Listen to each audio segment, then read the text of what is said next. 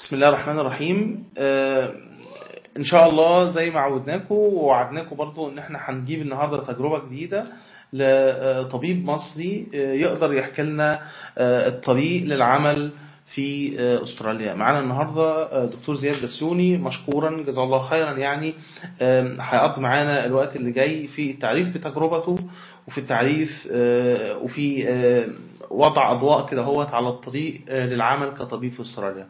دكتور زياد أهلا وسهلا بحضرتك أهلا وسهلا دكتور سوي إيه الأخبار يا جميل؟ الحمد لله ربنا يخليك. زياد ابدأ عرفنا بنفسك علشان الناس تعرف. آه، بسم الله الرحمن الرحيم. أنا زياد بسيوني. زياد محمد هاني محمد بسيوني.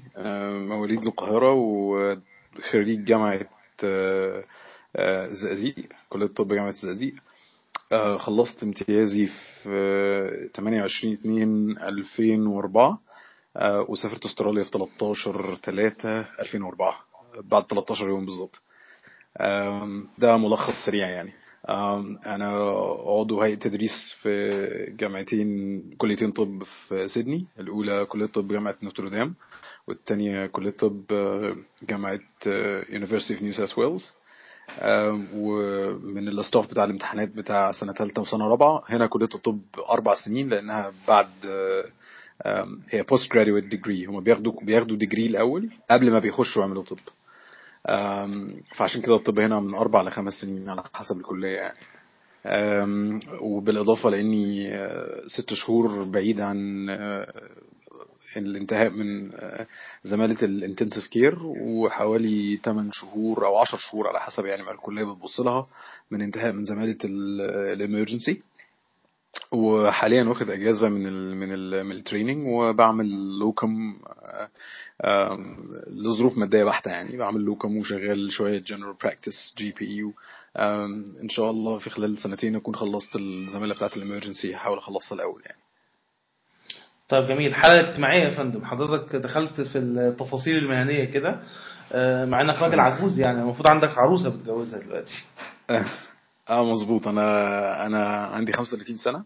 آه، متزوج وعندي ثلاث بنات. آه، عايش في سيدني. في حي من أحياء سيدني. وتنقلت جوه أستراليا بين سيدني في- دي عاصمة ولاية نيو ساوث ويلز وهي أكبر مدينة وأول مدينة في في أستراليا وبريسبن وهي عاصمة ولاية كوينزلاند. آه، ودي تعتبر ثالث أكبر مدينة أو رابع أكبر مدينة على حسب ال ليها حزب ليها حزب بشكل معين يعني. والدي ووالدتي لسه لازالوا في الزقازيق. أه، إخواتي ليا أخ مهندس بيشتغل في القاهرة في شركة اتصالات وليا أه، ضابط شرطة. هي دي الحالة ال- ال- الاجتماعية عامة يعني. طيب جميل جدا. دكتور زياد خلينا نرجع لسنة 2004 آه، بالتأكيد كانت الظروف في مصر مش مش أسوأ من دلوقتي. آه، والسؤال أنت الفكرة جت إزاي وليه فكرت في أستراليا؟ يعني كان في قدامك بالتأكيد طريق اليوزمل علشان تروح أمريكا. وكان بالتأكيد قدامك آه، طرق تانية في كندا أو في أي مكان تاني. الناس دلوقتي أنت عارف إن المصريين بيروحوا كل حتة في الدنيا يعني. فالسؤال الأولاني الفكرة جت إزاي وليه فكرت في أستراليا؟ أم، أنا كنت طول عمري عندي مشكلة مع مع النظام السياسي في في مصر. ما كنتش مرتاح أه، بشكل بشكل أو بآخر يعني. والموضوع ما كانش مرتبط بفكرة إن أنا ممكن أبقى يعني ليا اتجاه سياسي معين أنا كنت شايف إن ال- اللي كان بيحصل في مصر في فترة ال- التسعينات واوائل فترة الألفينات لما أنا كنت موجود في مصر ده ما كانش صح وما كانش منطقي آه، وده ودي مش بلد أنا كان ليا رأي إن مصر كانت عزبة آه، وكنت حاسس إن ماليش مكان في العزبة يعني. آه، ما كانش لي آه، ترتيبي لم يكن يسمح لي إن أنا أقعد في. إن أنا آخد بوست في الجامعة بس آه، بدون يعني بدون ما أقول إن أنا ما كنتش عايز لا طبعا كنت يعني كانت تبقى ظريفه أنا كان ليا بس أنا ما كنتش آه، ما كنتش مركز يعني في موضوع ال- الموضوع ده خالص يعني. طول عمري كنت آه، عندي interest في اللغة الإنجليزية كلغة آه، فعشان كده الإنجليزي بتاعي كان كويس. أنا كنت من الناس اللي اللي هي في التسعينات كانت بتسمع أغاني وكنت بتفرج على أفلام بدون ترجمة. آه، وكنت في ال... وكنت وأنا بذاكر بسمع البرنامج الأوروبي ال European service بتاعت ال... ال- راديو مصر آه، فكان عندي آه، ارتباط باللغة الإنجليزية يعني. والدي كان نفسه إن أنا أخش كلية طب بعد في ثانوية عامة وأنا كنت عايز ما كنتش عايز أخش كلية طب كنت عايز أخش آه، آه، كلية شرطة. كنت كانت الفكرة إن هي أربع سنين مش هحتاج أذاكر وهخلص وكده. آه، الحمد لله طبعا إن أنا ما دخلتش ان والدي ضغط عليا وما دخلنيش. آه، كان زماني طلعت ظابط آه، فاسد من اللي بيقتلوا متظاهرين في الشارع. خلاص يا محمد الله. آه. إحنا مش عايزين بس أنا يعني واضح إن ليك دوافع آه، واضح إنها سياسية. آه، أو دوافع يعني كل واحد لينا آه، في ده عنده دوافع كتير جدا بصراحة إن هو يسيب ال- المكان دلوقتي. لكن اشمعنى أستراليا؟ يعني أنا أنا جاوبت على السؤال ده قبل كده إن هو آه، كان بالحظ كده إن حد قال لي والله ده ألمانيا أسهل فرحت ألمانيا. أنت اشمعنى أستراليا بقى؟ لا أنا الموضوع ما كانش حظ بالشكل ال- بشكل الحظ يعني. أنا آه، كنت عامل حسابي إن أنا مسافر و- ولما دخلت كلية الطب والدي كان وعدني إن هو هيسفرني دي إن واحد قريبنا في اليونان.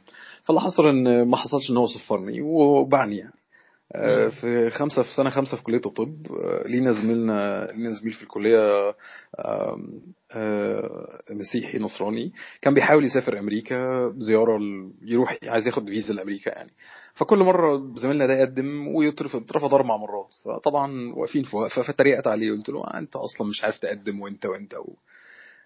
سبحان الله الراجل حط قدامي challenge وقال لي يا عم أنت وريني نفسك على الأقل أنا بقدم أنت قاعد عمال ولا بتعمل ولا بتتحرك ولا ولا. قلت له خلاص أنا هقدم وهاخدها.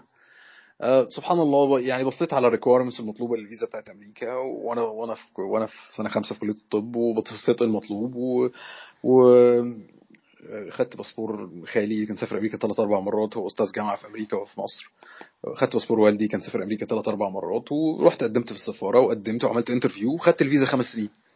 رحت قلت لوالدي أنا خدت الفيزا خمس سنين. قال لي طالما خدت الفيزا هديك آه، تروح أمريكا. فوالدي اشترى لي تذكرة طيران واداني 500 دولار في إيدي وكان لينا واحد قريبنا هناك كلمناه قال تعال الحتة الفلانية هتلاقي ناس تقعد معاهم. ورحت أمريكا. فبين سنة خمسة وسنة ستة رحت أمريكا في الأجازة. قعدت أربع أربع شهور هناك. على فكرة أنا كنت هناك وقت 11 سبتمبر. هي دي السنة بتاعت 11 سبتمبر. ده شيء جميل. طبعا ال...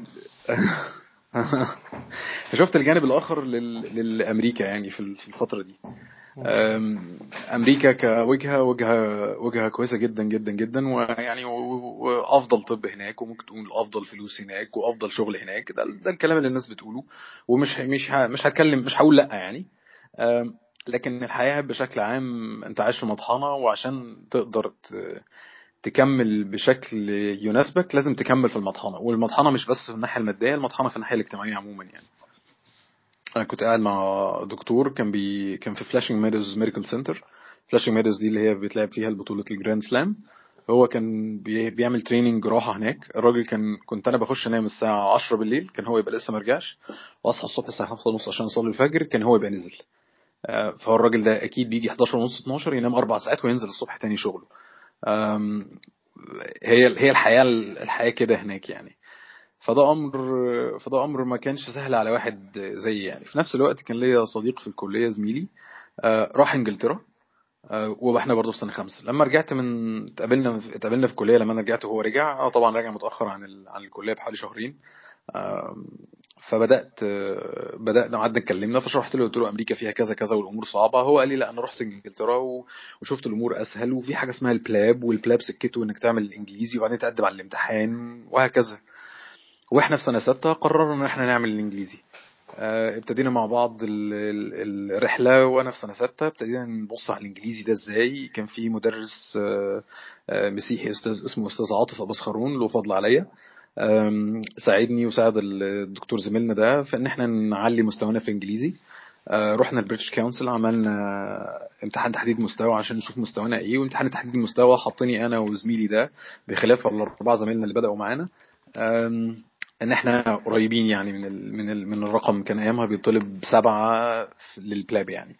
آه، سبعة زائد ما تقلش عن ستة ونص في كل ال components قدمنا في شهر خلصنا الامتحانات في شهر 11 أو 12 قدمنا على ال على ال IELTS شهر 4 ونجحنا أنا وهو. آه، قدمنا ورقنا لل General Medical Council وأنا قررت إن أنا هعمل امتحان في شهر 10 وهو قرر يعمل امتحان في شهر 2 اللي هو ثانية واحدة ثانية واحدة ثانية واحدة ثانية واحدة. أنت خدتنا ورحت أمريكا؟ وبعدين في أمريكا قلت إن الحياة صعبة وبعدين آه، رجعت تاني حد صاحبك أقنعك إن أنتوا هتروحوا بريطانيا. أنتوا دلوقتي بتقدموا في أنهي General Medical Council ما في واحد في أمريكا وفي واحد في واحد في آه، بريطانيا وفي واحد في أستراليا. فأنتوا رايحين فين دلوقتي؟ لا ال General Medical Council معاه ال PLAB هو بتاع إنجلترا بس. أها يعني أنت دلوقتي لسه شغال في في, في نقطة في في إنجلترا. طيب كمل دي ده كلام جميل يعني. آه مظبوط. دي سنة الامتياز. نجحت في في الإنجليزي في شهر أربعة اللي هو كان شهر كان أول شهر بعد الامتياز. وبقية الوقت قضيته بحاول أذاكر لل PLAB في شهر 10 دخلت ال PLAB number 1 ونجحت ال PLAB number 1 في شهر 10 وأنا في الامتياز قبل ما أخلص امتيازي بأربع شهور أو خمس شهور. الامتياز بيخلص في فبراير آه، ففي شهر 10 كنت ناجح PLAB وناجح PLAB 1 آم، و- وناجح English ده في سنة الامتياز بتاعتي قبل ما أخلص الامتياز في الفترة دي اتقابلت مع أخت مصرية آه، أصلها أسترالي واتقابلنا في في- مصر يعني كذا مرة و- عن طريق الأهل وكده وأهلها اقترحوا يعني إذا كنت أنا يعني ناوي إن أنا أسافر كده كده ما أروح أستراليا وهم ما عندهمش. عندهم استعداد إن هم يستضيفوني عندهم في بيتهم يعني استضافوني في بيتهم. قدمت على بما إن أنا كان معايا فيزا أمريكا وكنت ناجح الامتحانات في إنجلترا فقدمت على فيزا لأستراليا أه، كفيزا زيارة سياحة وهم بعتوا جواب يقول يعني إن هم إن أنا هقعد معاهم يعني. أه، رحت هناك وقعدت معاهم وتراءى لي إن أستراليا ممكن الواحد يشتغل فيها كطبيب. في الفترة دي ده كان في سنة 2004 أول ما خلصت امتيازي سافرت رحت لهم. كان عندي إعفاء مؤقت من الجيش لأن أخويا كان في الجيش أخويا الوسطاني كان في الجيش فبتاخد إعفاء مؤقت لحين زوال السبب لغاية ما أخويا خرج من الجيش. فخدت الفترة دي ورحت أستراليا.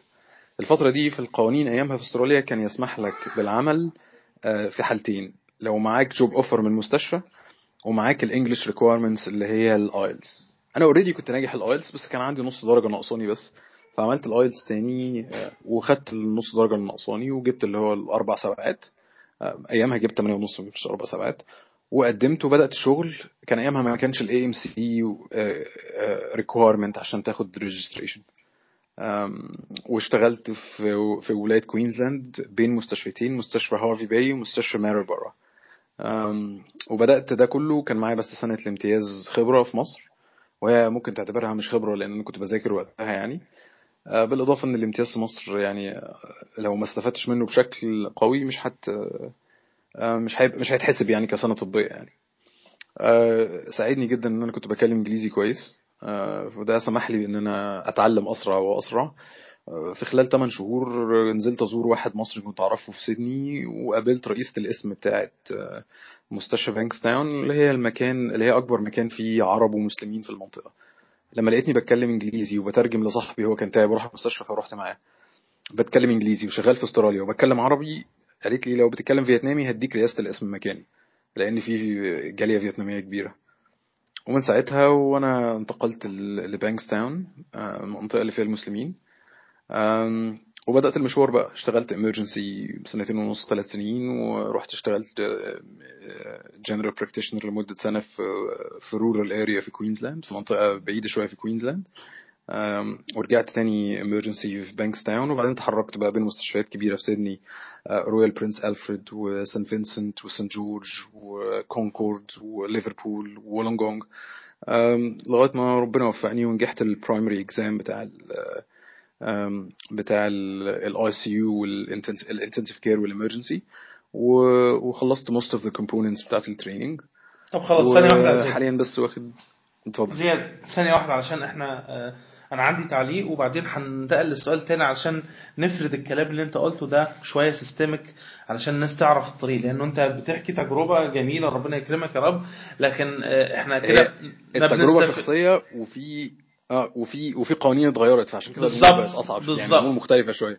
بالظبط. فلذلك أنا عايز أنا عارف إن أنت إن شاء الله updated إحنا اتكلمنا كتير في موضوع متطلبات العمل عندكم في أستراليا حاليا وإحنا أعتقد إن إحنا لسه النهارده شايفين ال changes بتاعت يوليو 2014 فإحنا ممكن نتكلم آه، بطريقة systematic دلوقتي. خليني بس. أقول أقول إشارة للزملاء اللي بيسمعونا آه، إنه آه، زياد آه، زي ما أنتم شايفين سافر أمريكا آه، زياد آه، مشي طريق إنجلترا آه، بعد تجربة شخصية مقتنع بيها إنه أمريكا إلى حد ما صعبة أو آه، ال lifestyle بتاعتها مش هتناسب مش هتناسبه. وبعدين بعد ده كله الراجل رسيت بيه الدنيا على أستراليا. أنا تقريبا ما أعرفش حد ما أعرفش حد في الوقت ده ما عملش يا زياد اللي انت عملته ده. يعني يعني أنا شخصيا على الأقل تجربتي أنا كانت كده إن أنا كنت ماشي في سكة ال- اليوزمل وبعدين قررت إنه آه، لأ أنا ممكن أروح أستراليا. وبعدين هوب جت الشانس في آه، في في في, في ألمانيا فنطيت عليها. زملاء كتير يعني أنا كنت من كام يوم مع آه، صديق شخصي هنا بنت- بنتعشى مع بعض في دورتموند. فهو بيقول لي أنا مستغرب جدا من الزملاء اللي بيخشوا يسألوا أسئلة مفتوحة جدا. يا جماعة هو إزاي أنا أشتغل في المكان الفلاني؟ يا جماعة أنا إزاي أشتغل في المكان الفلاني؟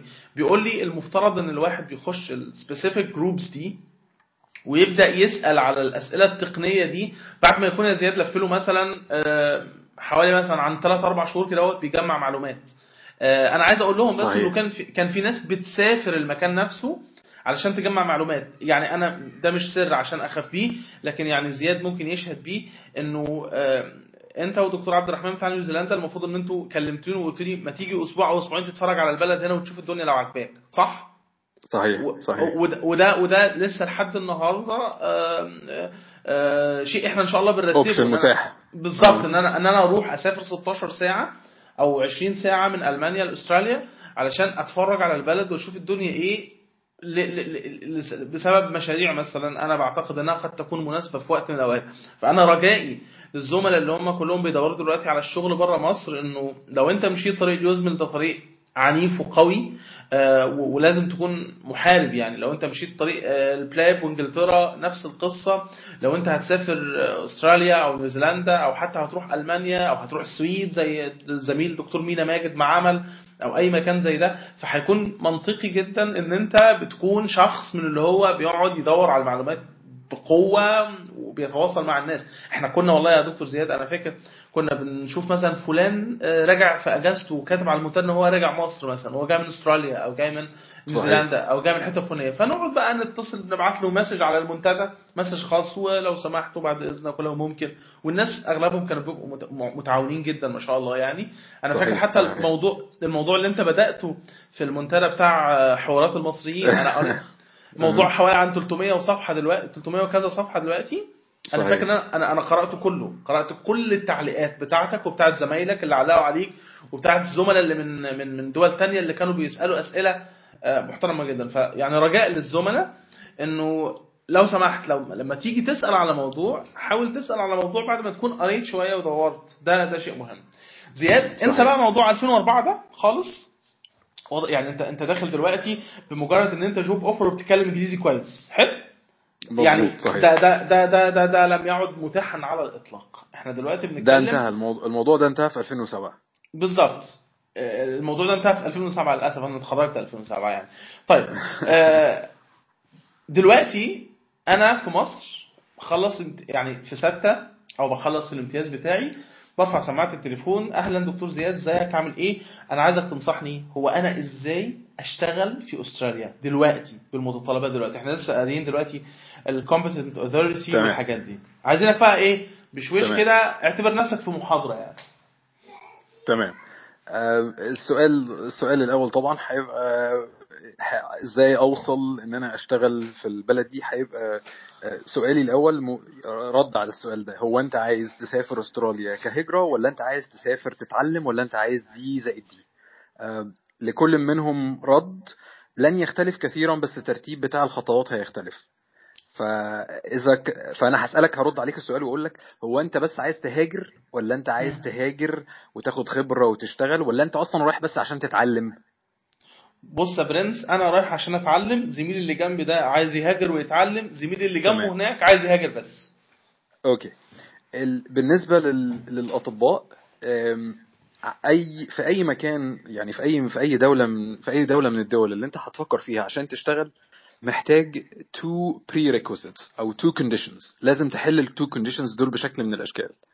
ال two conditions دول أول واحد إن أنت يبقى معاك فيزا أو تأشيرة أو إقامة تسمح لك بالعمل مفيش. مستشفى في أي دولة محترمة هتسمح لك تشتغل إلا لما يكون معاك مستند يسمح لك بالعمل بشكل قانوني ده أمر مم. منتهي دي النقطة مم. الأولى النقطة الثانية عشان تشتغل كطبيب محتاج ترخيص مزاولة مهنة حتى في مصر على الرغم من كل المشاكل لكن لن يسمح لك بالمزاولة في مصر إلا بترخيص مزاولة مهنة ولو اشتغلت بدون ترخيص مزاولة مهنة آه، هتتقاضى قضائيا وهيبقى عندك مشاكل.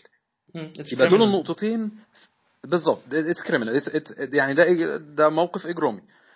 فالنقطتين دول لازم تحلهم عشان تشتغل في أي دولة ايا كانت. أنا بتكلم عن آه، آه، سيراليون أو أستراليا أو نيوزيلندا أو ألمانيا. كلهم لازم تحل النقطة دي. فإحنا هنبتدي من فوق لتحت. طب الفيزا هاخدها إزاي. الفيزا يوفرها لك. صاحب العمل اللي هو ممكن يكون مستشفى لو هتشتغل في مستشفى أو في clinic لو هتروح تشتغل ك GP في clinic لما تتوفر لك الفرصة إن أنت تشتغل عنده لما يقدر يديك job offer هو يقدر يعمل لك فيزا وده مش صعب خالص. والفيزا اللي هيعملها لك هتبقى فيزا إقامة غير دائمة هي بتبقى إقامة مؤقتة ممكن تمتد مدتها لمدة أربع سنين يعني. هو ممكن يقدم لك يقدم لك لمدة أربع سنين اقامه ويغيرها لك كل أربع سنين مفيش مشكلة يعني. ممكن يقدم لك كل سنة ويجددها لك هم عادة بيعملوها كل أربع سنين عشان يقلل ال paper work بس يقلل الورق اللي عليه. تمام؟ والفيزا دي تسمح لك إنك تعيش هنا لمدة الأربع سنين دي أنت وأسرتك وتشتغل زيك زي الاستراليين فما فيهاش مشكلة. بس ما تقدرش تقدم على الإقامة الدايمة منها الا لما ت fulfil some criteria لما لما تعمل tick لل box في box ات كده في conditions لازم تعمل لها ticking يبقى موضوع الفيزا محلول لو لقيت job offer سهلة كده؟ مم. آه هو بس إحنا عندنا في two مشكلة. conditions عندنا مشكلة صغيرة دلوقتي يا زياد. بصراحة موضوع ارتباط الفيزا وال- وترخيص المزاوله مع بعض ده آه، إحنا بالنسبة لنا عامل زي البيضة والفرخة. صحيح. هو مين مين. يجيب مين؟ مين الأول؟ صحيح. أنا هفكها لك دلوقتي كده وبعدين هركبها لك بحس مين يجيب مين الأول. خلاص؟ بالظبط. لأنه إحنا هنا أنا أقول لك على على نظام هنا في, في, في ألمانيا على سبيل المثال هو ده النظام الايه اللي واخد الدومينانس دلوقتي. الناس الناس دلوقتي مظبوط. هنا في ألمانيا آه، أنت بتعمل إيه؟ أنا آه، ذاكرت ألماني. حلو. طيب بتعمل إيه؟ بتاخد حاجة اسمها فيزا بحث عن عمل بتروح هناك بتدور على على الشغل بعد ما بتلاقي. مش بتلاقي الشغل. انت أول ما بتنزل حتى دلوقتي بقى متاح إن أنت بتدور على إنك تطلع ترخيص مزاولة. ولما بتطلع ترخيص المزاولة بتجيب بقى إيه؟ فرص العمل ال- المتاحة. فالأمر ده مظبوط. غريب شوية هنا في إستراليا. فصلها لنا أنت بقى زي ما أنت عايز. تمام. الدكتور سين هو دكتور لسه متخرج حاليا. خلاص؟ آه، بيخلص امتيازه في شهر في شهر 12 الجاي اللي إحنا فيه ده. تمام؟ وهياخد ترخيص مزاولة المهنة في مصر في شهر واحد. جميل. خلاص؟ زميلنا الدكتور سين عشان يقدر يشتغل في استراليا لازم ي fulfil some criteria أول حاجة إنه يكون معاه آه، امتحان إنجليزي أو شرط اللغة. شرط اللغة امتحان إنجليزي من امتحانين. امتحان اسمه ال OET occupational english test.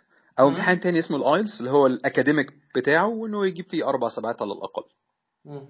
تمام جميل. سهلة كده ده آه، ال condition. الأولاني حلو ال condition التاني عشان يشتغل لأن هو معهوش أي خبرات من أي حاجة إنه يكون ناجح ال Australian Medical Council exam الجزء الأولاني اللي هو بيسموه AMC 1 أو AMC okay. 1 زي ما الناس تحب. تسميه يعني. تمام okay. يبقى أنت انت الدكتور سين هيسألني أنا عايز أسافر أمريكا عايز أسافر أستراليا. هقول له يا دكتور سين خلص امتحان الإنجليزي وخلص امتحان ال AMC 1 وهنبتدي نقدم على ال jobs أول ما تخلص. كويس جميل. عش... عشان تقدر تقدم على job في أستراليا كطبيب عندك طريق من ثلاث طرق. واحد اللي إحنا. بنتكلم فيه دلوقتي اللي هو إنك يكون معاك ال AMC 1 وال English okay. ده ينفع الدكتور سين اللي لسه متخرج حالا. ده ال standard pathway ده ال standard pathway أنا مش. هتكلم بالأسماء لأن عشان عشان الناس ما تتلخبطش بس. جميل هو سين اللي لسه. متخلص متخرج حاليا محتاج AMC 1 و English قبل ما يدور على job offer على job يعني اللي تناسبه. بالظبط. تدويره على ال job بيتم عن طريق مراسلة المستشفيات مراسلة ال agents زائد إنه في و... في أماكن معينة كل ولاية بتنزل فيها وظائفها بيدور على الوظائف دي. تمام؟ جميل. لو ربنا أذن له برزق إنه في مستشفى معينة عجبها ال ال الكلام اللي هو اللي هو مقدمه لهم في ال في ال في ال letters of recommendation وال CV بتاعته والإنجليزي بتاعه كويس ودرجته كويسة في ال AMC ما بتفرقش كتير يعني بس في مستشفيات تقول فلان ده طالع من العشر الاوائل وفلان ده طالع من المية. مم. ده مش مش ده مش ده عادة اللي بيحسم لكن بتبقى ظريفة لما تكتب في ال CV بتاعتك أنا طالع من العشر الأوائل في امتحان ال ال ال ال AMC بتاع سنة آه، بتاع آه، آه، إبريل 2014 مم. تبقى ظريفة جدا وهو بيبص على ورقتك. فلو إحنا فلو إحنا افترضنا ان الدكتور سين لسه مخلص حاليا. طب الدكتور صاد بيخلص ماجستيره أو الدكتوراه بتاعته. ده حاجة تانية خالص ده وضع آخر. دكتور صاد ده واحد تاني خالص. إحنا خلصنا من الدكتور سين دلوقتي. أوكي. سهل كده؟ سهل كده. خلاص يعني هو دكتور.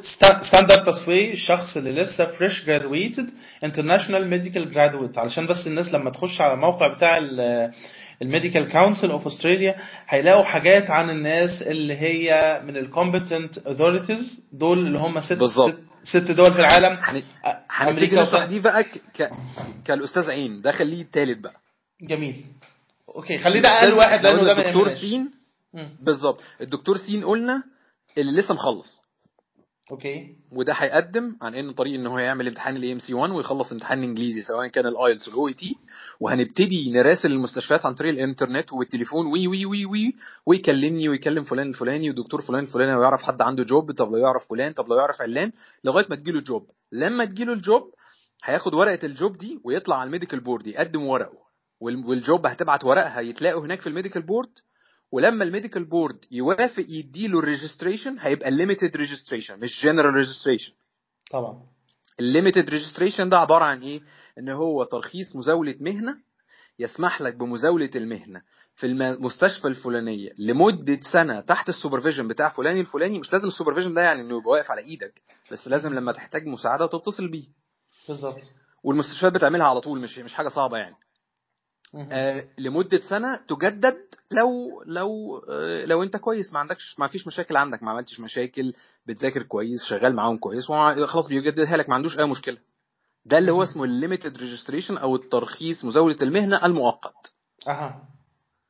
زميلنا الدكتور سين قدر يوصل لمستشفى هنفترض هنفترض إنه هيشتغل في مستشفى بانكستاون دي مستشفى فيها مسلمين كتير وعرب وبيحتاجوا ناس بتتكلم عربي ففي job في ال emergency وقدر ياخد فيها resident في ال emergency. resident يعني طبيب مقيم في ال emergency. okay.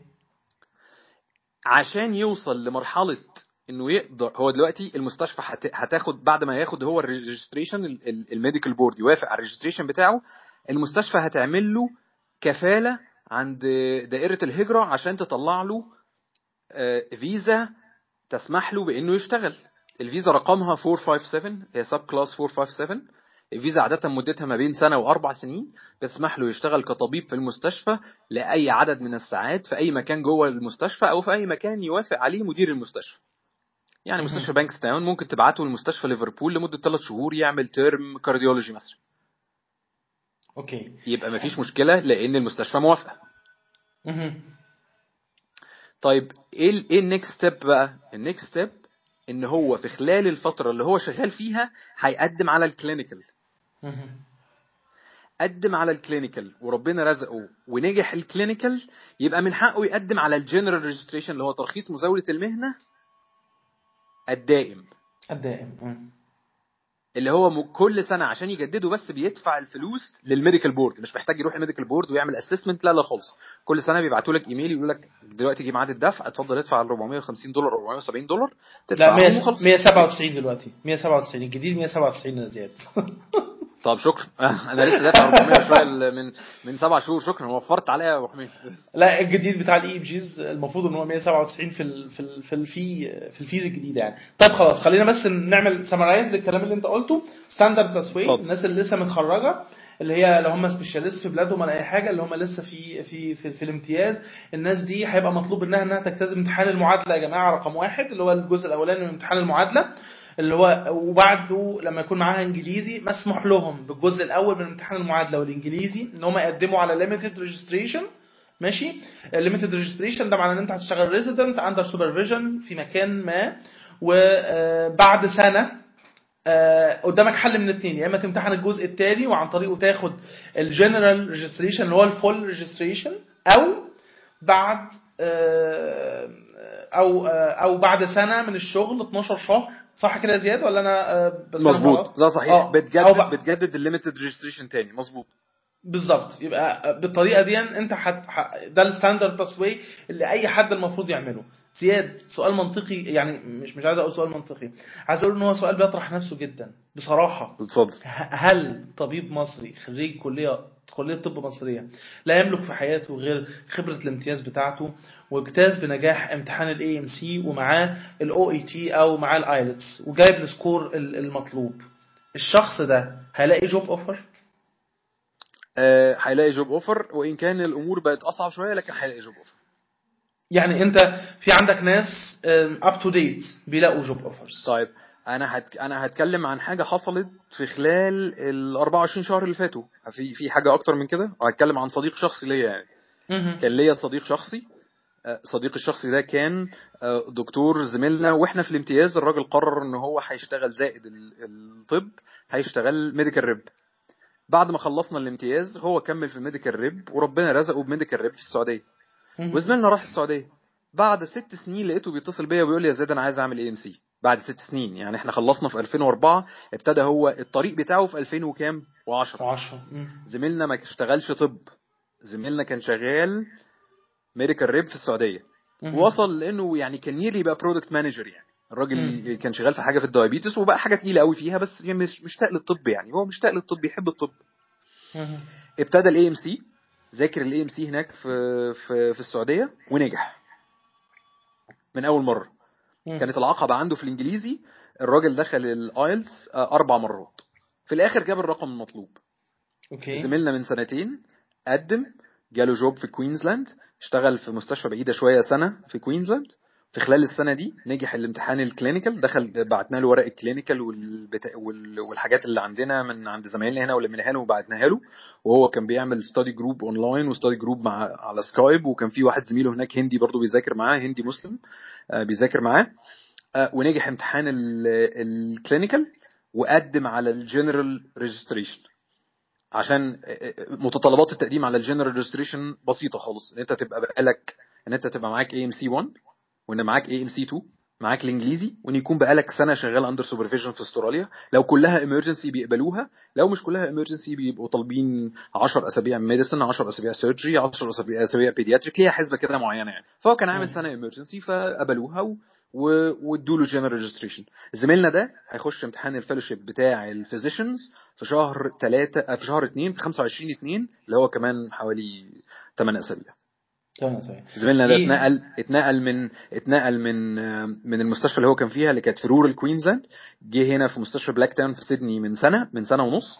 وبعدين السنة السنة اللي فاتت قدرنا الحمد لله مع مساعدات وزق وكلام من هنا على كلام من هنا قدرنا نجيب له medical registrar job في Liverpool Hospital Liverpool Hospital nearly is the biggest hospital in the southern hemisphere. هي ممكن تعتبرها أكبر مستشفى في نصف الكرة الجنوبي شغال فيها medical registrar وداخل امتحان ال fellowship بتاع ال physicians training بتاع إنه يطلع يعني جن... إنه يبقى آه، بطنجي يعني. انت آه، في شهر اتنين الجاي. آه في شهر اتنين الجاي 25 اتنين أعتقد الامتحان. آه، هيخش الامتحان بتاع ال fellowship بعد ما يخلص امتحان ال fellowship الجزء الأولاني اللي هو ال written في شهر اتنين والجزء ال clinical في شهر 8 آه، لو ربنا وفقه في الاثنين ونجح هيقدم على advanced training بتاع ال physician. هو هو الراجل عايز يعمل endocrine فهياخد ثلاث سنين ويبقى أنا بتكلم عن واحد حصلته من سنتين مش بتكلم على حد آه، من بعيد. طيب أتكلم عن حد. تاني؟ حد يكون آه. أكتو... يعني حد يكون updated أنا بصراحة آه عايز أقول لك إن الزملاء آه طريق أستراليا أنا أعرف آه لحد النهارده ثلاثة والثلاثه نجحوا والثلاثه في واحد كان عنده مشكلة في ال IELTS وواحد ما عندوش مشكلة في ال IELTS. وللأسف كان الموضوع صعب بالنسبة لهم لدرجة إن هم ما لقيوش job offers سافر في حد منهم سافر أستراليا كمان ورجع تفهمني؟ آه مع إنهم كلهم بيشتغلوا في الطب يعني. طيب في في نقط بيقع فيها ال... في أخطاء بيقع فيها الإخوة ودي بتتسبب في بعض الأحيان إن الناس ما بتجيبش ما بتجيبش jobs جميل. آه، النقطة الأو- النقطة الأولى مرتبطة بأنت بتدور فين وإمتى. مم. أنت كطبيب جاي من بره غالبا غالبا المستشفيات بتاعت وسط المدن الكبيرة already عندها واخدة ال local graduates وال overseas اللي موجودين اللي معاهم experience كويسة زي أنا وزي زمايلي اللي بقالهم فترة هنا. بالظبط. فأنت لما تيجي تقدم في competition معايا أنا مش هيوصلك. أنا already. راجل خلصت ال general registration بتاعي من خمس سنين وشغال في أستراليا ب senior registrar بقالي ثلاث سنين ب run ال department لوحدي فلما أنا أقدم على registrar emergency وأنت تقدم على registrar emergency مش هيبص إحنا الاثنين ممكن نكون متخرجين من نفس الكلية على فكرة بس مش هيبص لك هيبص لنا أكيد دي النقطة الأولى، النقطة الثانية وقت التقديم. إيه، وقت التقديم لو أنت هتقدم في شهر ما بين شهر 8 وشهر واحد الفرص هتبقى قليلة جدا، هتقول لي ليه؟ هقول لك لأن العقود هنا عقود سنوية بتبتدي من واحد وبتنتهي في واحد اللي بعده. عادة ميعاد التقديم لكل الناس بيبقى في شهر 8، الناس كلها بتقدم في شهر 8. أنت لما هتخش مع كومبيتيشن مع الناس دي فرصك هتقل. إمتى فرصك تبقى زايدة؟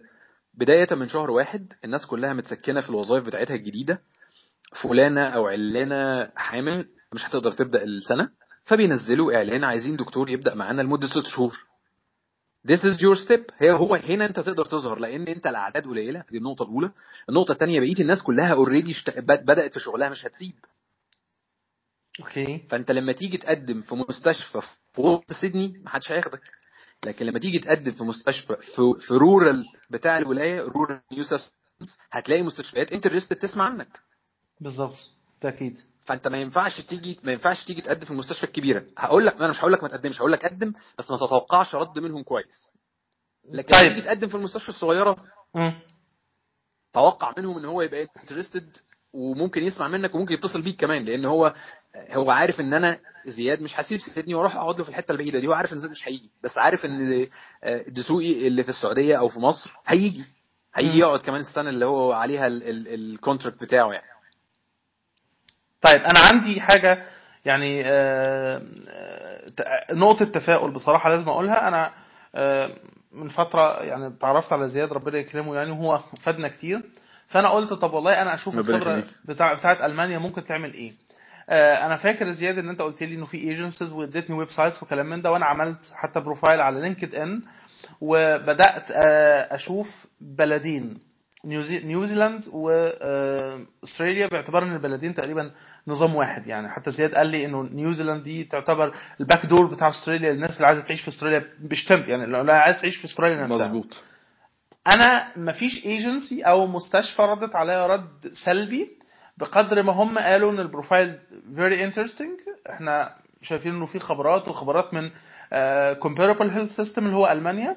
لكن إحنا بنتكلم على ال registration إيه إيه موقفك من ال registration do you hold a registration هنا في في أستراليا؟ بتوع نيوزيلندا عارفين. يقول لك أنت لو معاك 36 شهر شغل في ألمانيا أنا ممكن أعمل لك registration أنت معايا يا زياد؟ بالظبط. لا معاك يعني أنا يعني يعني أنا أقصد إنه كان عايز أوضح بس ان آه يعني ال ال ال الفكرة مش في إنك تبقى fulfill ال criteria بس الفكرة في إنك وأنت بتقدم بتقدم بذكاء. يعني هتقدم في شهر 12 ما فيش حد أصلا بياخد ناس في شهر 12 لأن already السنة الجديدة هتبتدي في شهر واحد. فلو هو هيستحمل يضغط ال department بس لمدة أربع أسابيع. لغاية ما الناس الجديدة تيجي هيضغط ال department مش هيعمل إعلان وينزل وكده. يبقى ما it makes no sense. يعني ملهاش ملهاش معنى إنك تقدم في شهر 12 بس ليها معنى إنك تقدم في شهر 2 لأن دي أول السنة. وواضح إن في حد وقع ما جاش. حد قدم ووافق على job وما جاش. يعني كل ده مكانك. هو ده وقتك اللي هو عايزك آه. فيه.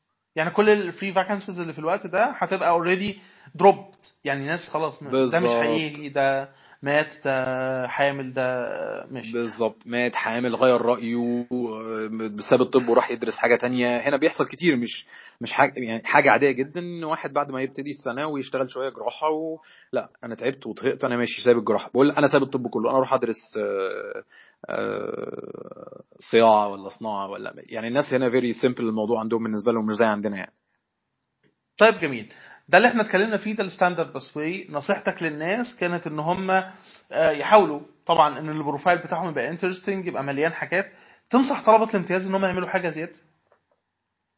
آه، أنصح طلبة الامتياز إن هم يركزوا يعني آه، أنا هخليني pragmatic يعني هخليه براجماتي يعني زي ما هم بيقولوا كده في موضوع السياسة. أنت عايز تيجي استراليا. أنا عارف إن أنت بتحب الجلدية. بس عشان تخش استراليا عن طريق الجلدية يبقى الأفضل إنك ت... إنك ت- تتجوز رئيس تحاول- وزراء أستراليا. تتجوز آه. رئيس وزراء أستراليا أسهل. لا مش ه... آه يعني أعتقد ده ممكن يكون أسهل إن أنت تقابل الملكة أو تبوس إيد الملكة أو تخرج مع الملكة لأنك تبدأ تبدأ عن طريق الجلدية. آه، ملكة إنجلترا ممكن يبقى أسهل جدا إن أنت ت... يعني تقعد تنام في سريرها. يعني ب- مقابل إنك تبدأ جلديه دي مش هيحصل. فخليك براجماتي الجوبز هنا موجودة متوفرة في الإمرجنسي والجي بي. يبقى أنت حاول إن الامتياز بتاعك يظهر إن أنت راجل شغال في ال acute medicine يبقى أنت عندك في الم... لو في ال emergency بتاع لو في لو في ال- لو في الامتياز بتاعك بتاخد شهر emergency خليه ثلاث شهور.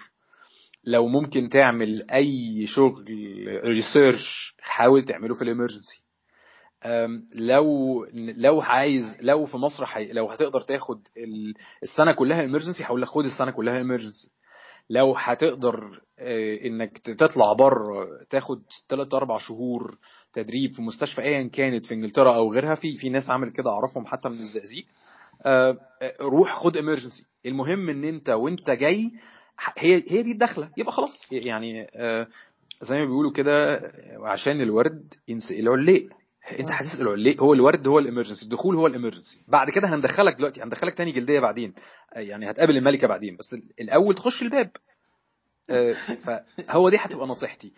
آه، الموضوع موضوع براجماتي بحت. سواء كنت ناوي تكمل training وترجع تاني مصر عشان تكمل ال training ده لازم تخل... لاز- لازم تخش أو ناوي تعيش. يعني لو انت جاي عشان تعيش أصلا تهاجر يبقى هو ده هو ده الموضوع يعني. طيب جميل. انت قلت لنا في في ال- في ال- في ال pathway في ال- في ال- في- الدخول قلت لنا إنه في حد عايز يهاجر بس في حد عايز يتعلم بس في حد عايز يهاجر ويتعلم. هو في فرق بين الثلاثه لما لما تبقى داخل أستراليا؟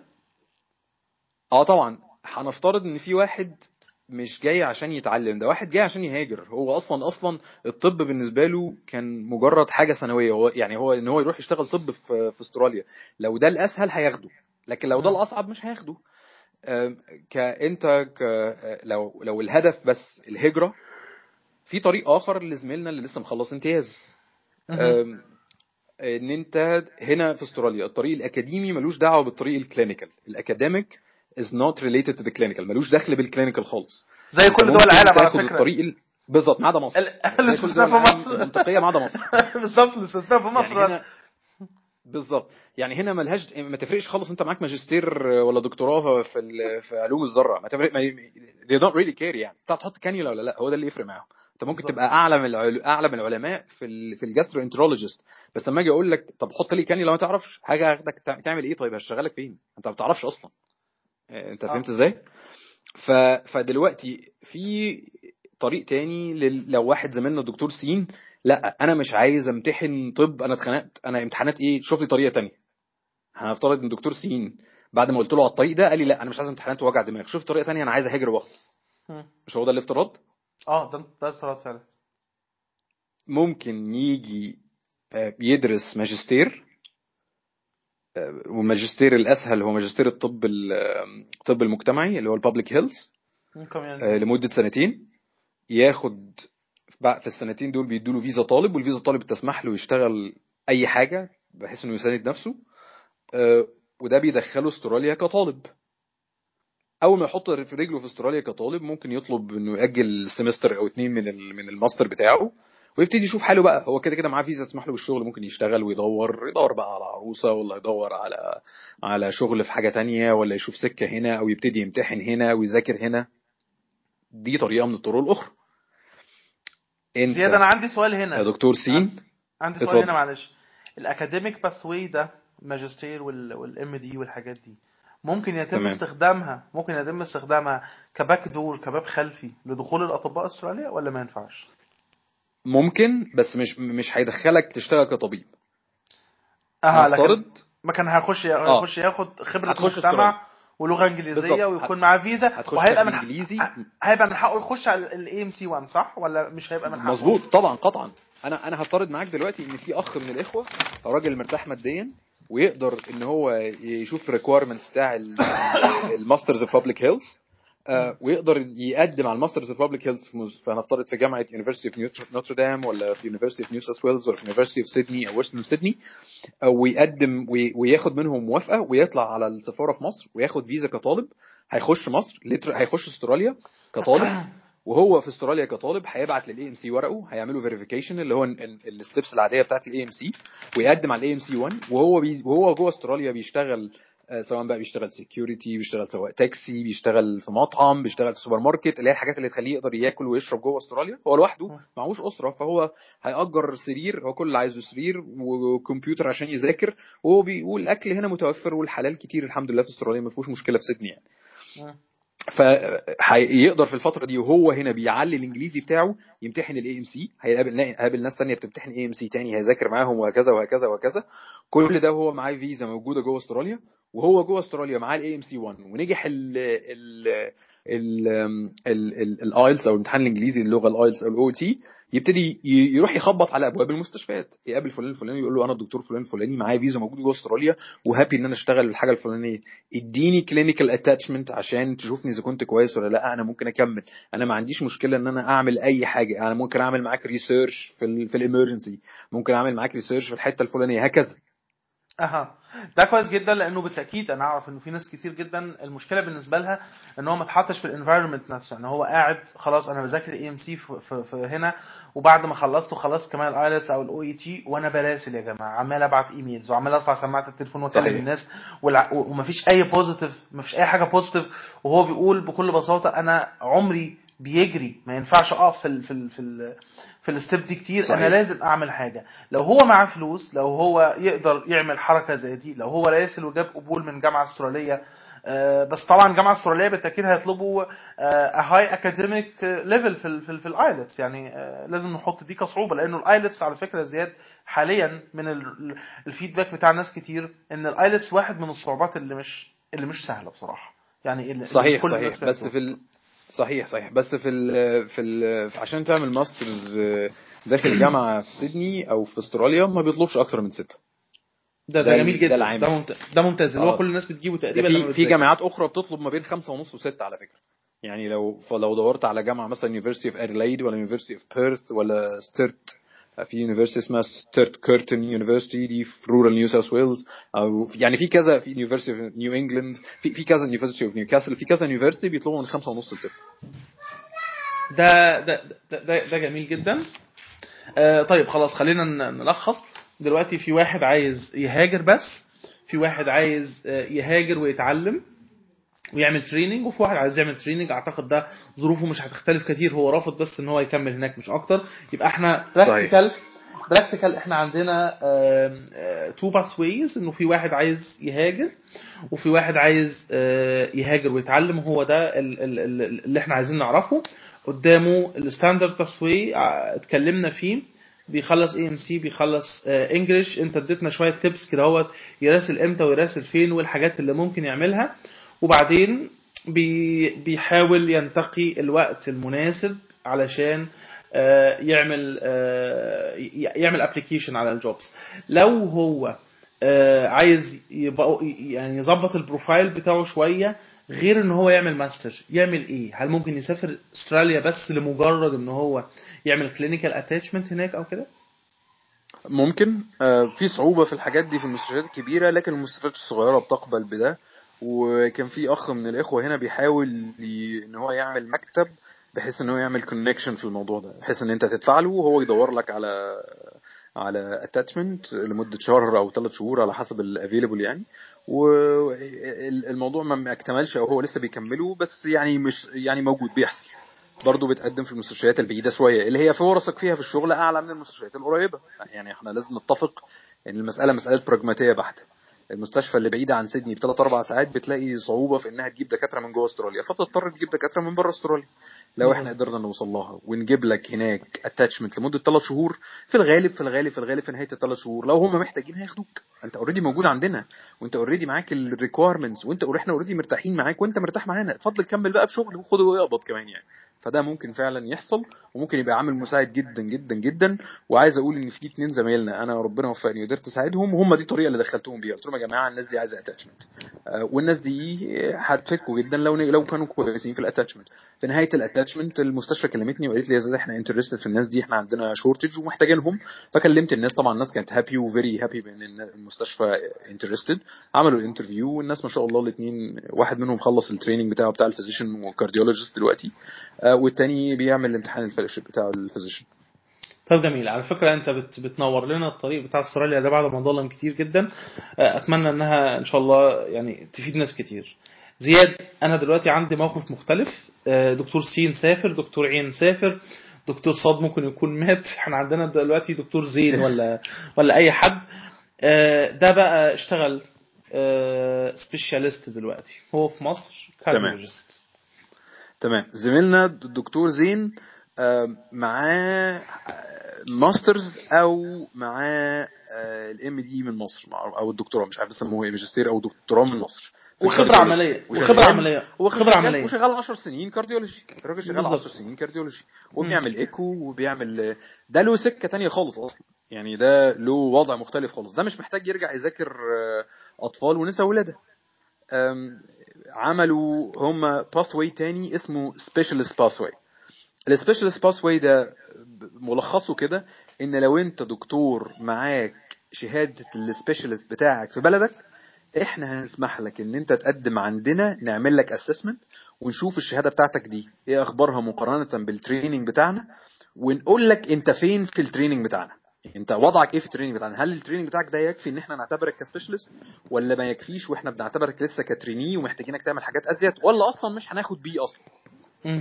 ولما يعملوا لك ال assessment ال assessment تعمله ال college الفلانية. فهنفترض دكتور زميلنا ده دكتور عامل cardiology ومعاه 10 سنين وخبرة وشغل وعامل ورق وعامل research مع الدكتوراه بتاعه.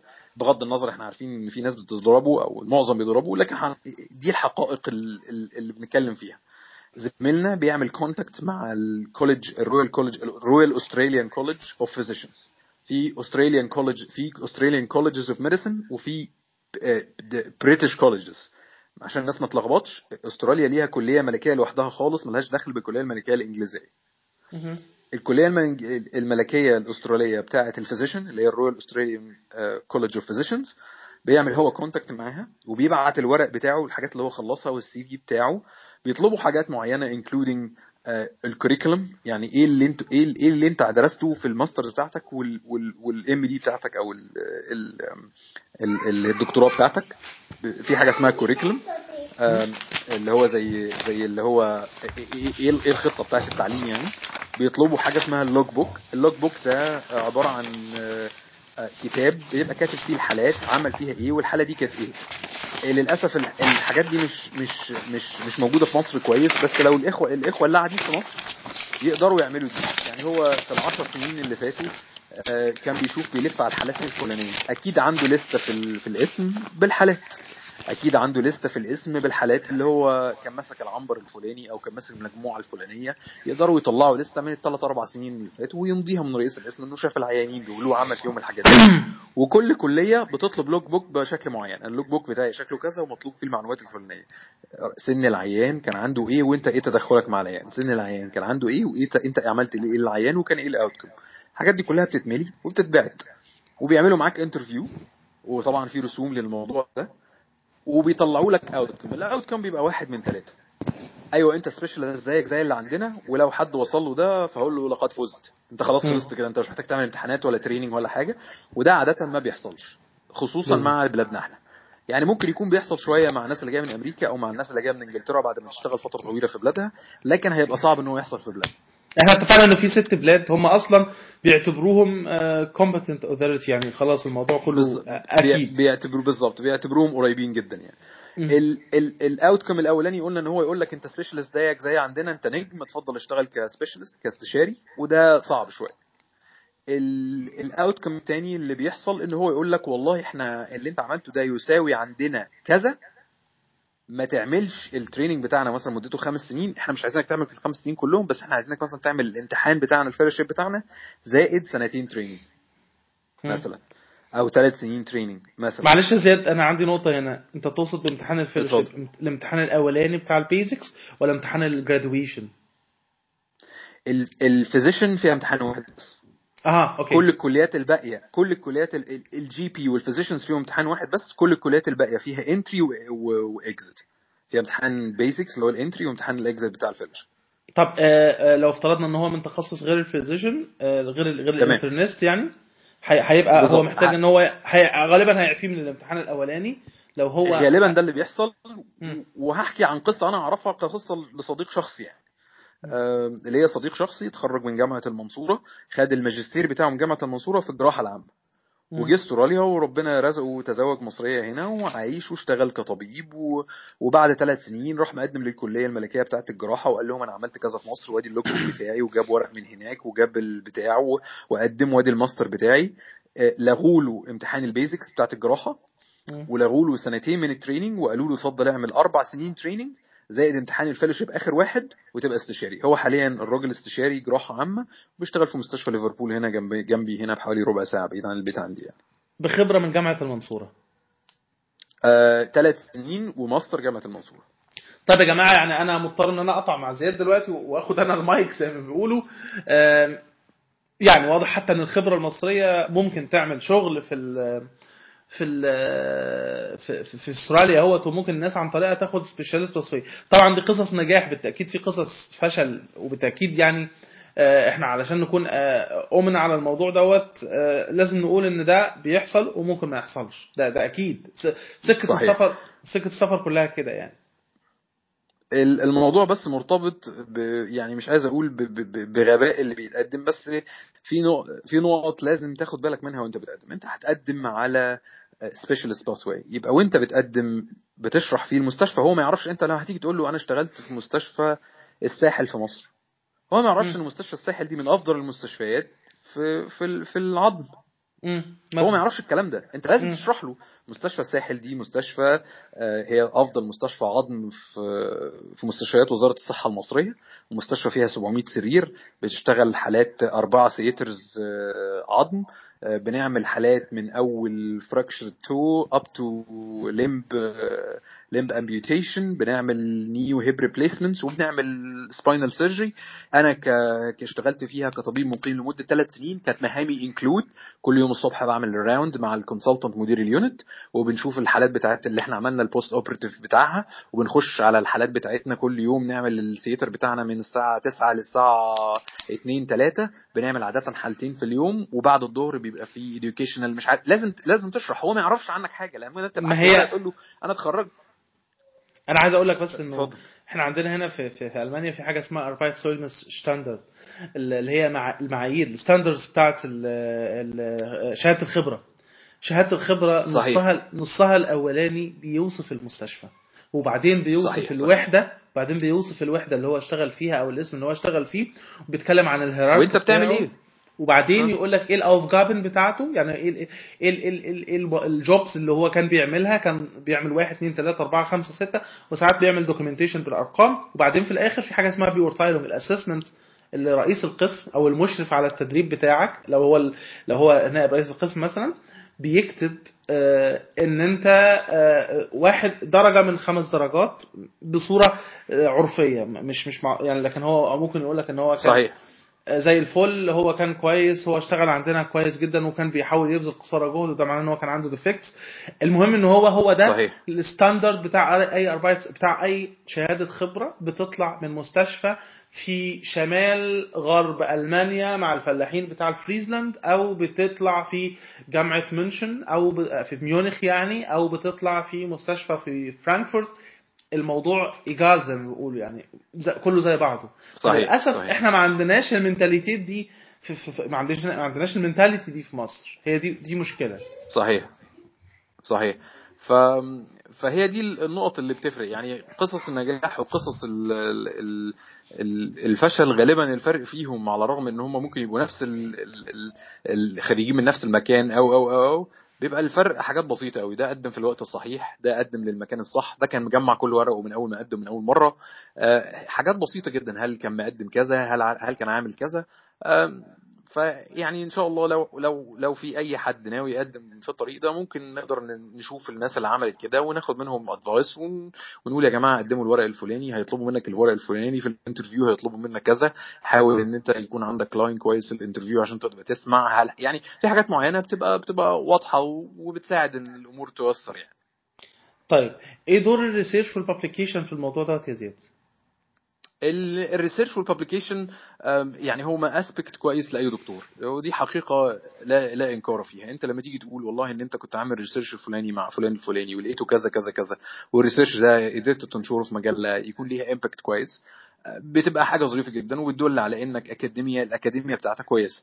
هل ده يفرق في إنك تاخد job ولا لأ؟ ما أعتقدش إن هو السبب الأساسي لكنه بيفنط الناس. يعني أنت عندك 10 applicants ال10 applicants كلهم زي بعض. ما فيش فرق بينهم في أي حاجة. بس واحد منهم عامل paper الفلانية عن مثلا ال emergency mortality في المستشفيات الفلانية في مصر. والباقي كله مش عامل أي paper لا فلان اللي عامل ال paper الفلانية دي هيفيد ال department لو طلبنا منه يعمل paper الفلانية هيبقى عارف إزاي بيعمل paper على الأقل اشترك في ال paper بالظبط. آه، فلان interested في ال teaching فلان كان بيحب ال teaching والدليل إنه كان بيعمل مثلا آه، بيروح آه، يعمل teaching في الأوقات الفراغ بتاعته مع ال consultant الفلاني يساعده في تحضير المحاضرات.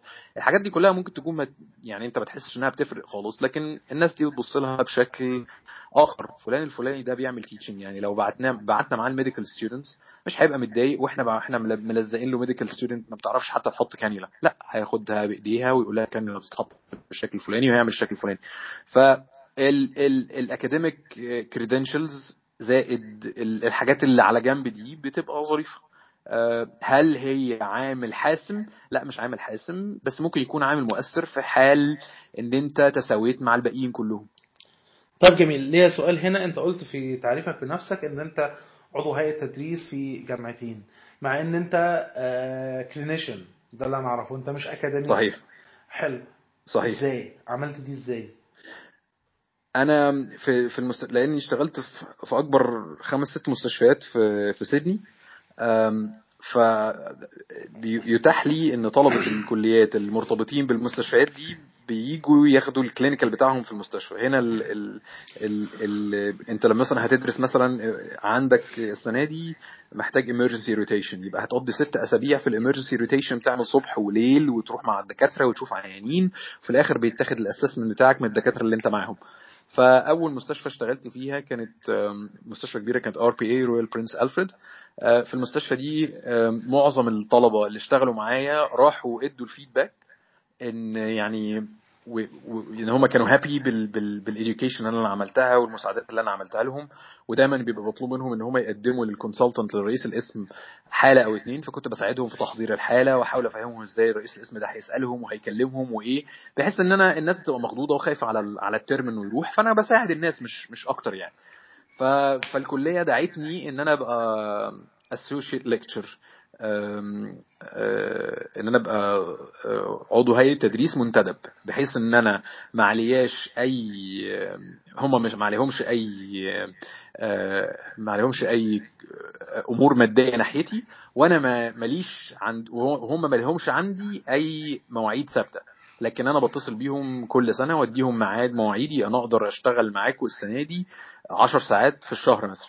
يبقى العشر ساعات في الشهر دول هيبقوا خمسة منهم clinical وخمسة منهم محاضرات. آه، فيقسموني يقولوا طب إحنا محتاجينك في يوم كذا ساعتين اليوم كذا ساعة اليوم كذا كذا اليوم كذا كذا في مقابل إن أنا بيسمحوا لي أستخدم ال facilities بتاعة الجامعة بيسمحوا لي إن أنا أبقى عضو هيئة تدريس بيسمحوا لي إن أنا آه، طبعا في funding لو أنا عايز أعمل teaching آه، في حاجات معينة مسموح لي أستخدم الايميل الخاص بتاع الجامعة مسموح لي آخد كتب من الجامعة ببلاش ليها ليها مميزات بس ما يدفعوليش فلوس ومقابل إن أنا أجي أساعدهم في الاديوكيشن بتاع الطلبة. وقت الامتحانات بيبعتوا لي يطلبوا مني إن أنا أجي أمتحن. آه يعني أنا عارف أنت بتروح تعمل إيه في الامتحانات يعني. الله المستعان. يعني نطلع الناس وحشة يا عم الحاج. لازم لا لا لا. الناس كويسة. لا لا. أنا عايز أقول لكم يا جماعة دكتور زياد دكتور زياد ممتحن مالجنت للأسف وربنا ما يوقع تحت إيده حد يعني. المهم آه، طيب خلاص. زياد اللي أنا فهمته إنه بيحصل هي selection يعني ال committee نفسها هي اللي بتعمل بتعمل سelection من من من من من حاجة من حاجة معينة. صحيح. كل كل كل الدكاترة اللي بتشتغل كل الدكاترة اللي بتشتغل مع ال medical students بيبقوا available إن هم يحصل منهم سelection لإنك تبقى عضو في في الجامعة.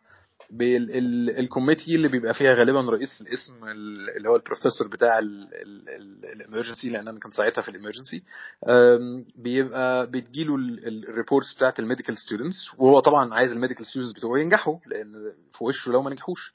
آه، فبيبتدي يشوف مين الناس اللي ساعدت ال medical students ف سبحان الله في كل ال... في كل الأحوال بيبقى أول أو تاني اسم في الناس اللي ساعدت ال medical students يعني كل ال medical students اللي بيشتغلوا معايا بي...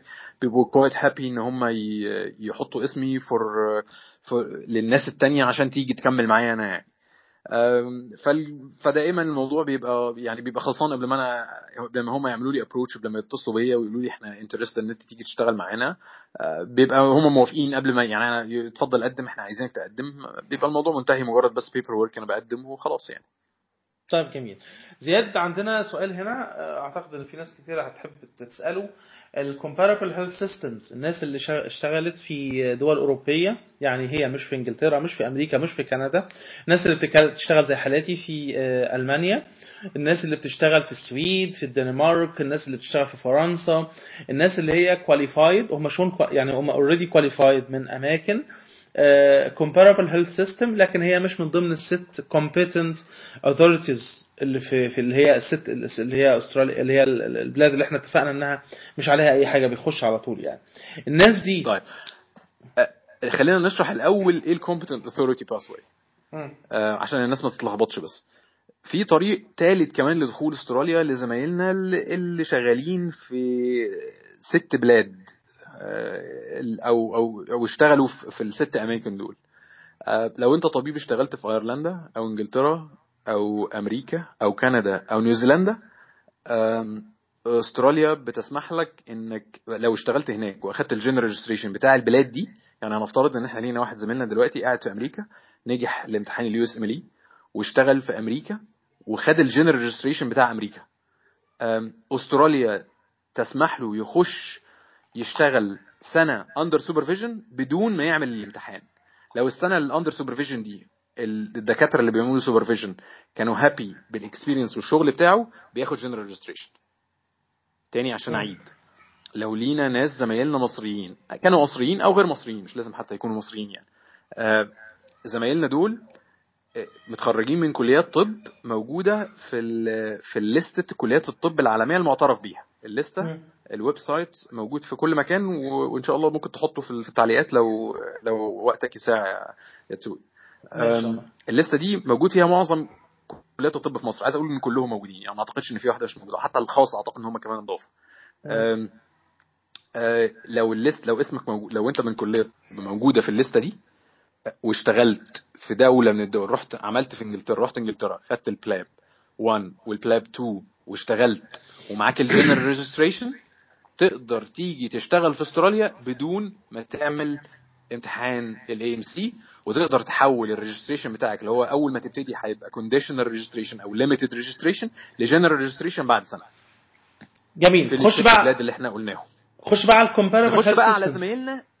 آه بالظبط. اللي في ألمانيا أو فرنسا اللي في الدول غير المتحدثة بالإنجليزية آه اللي هم ممكن يكونوا يعني متفوقين جدا وكويسين جدا بس لازم يعملوا ال ال الامتحان ال يعني هم حاسين إن الدنيا واقفة بالنسبة لهم.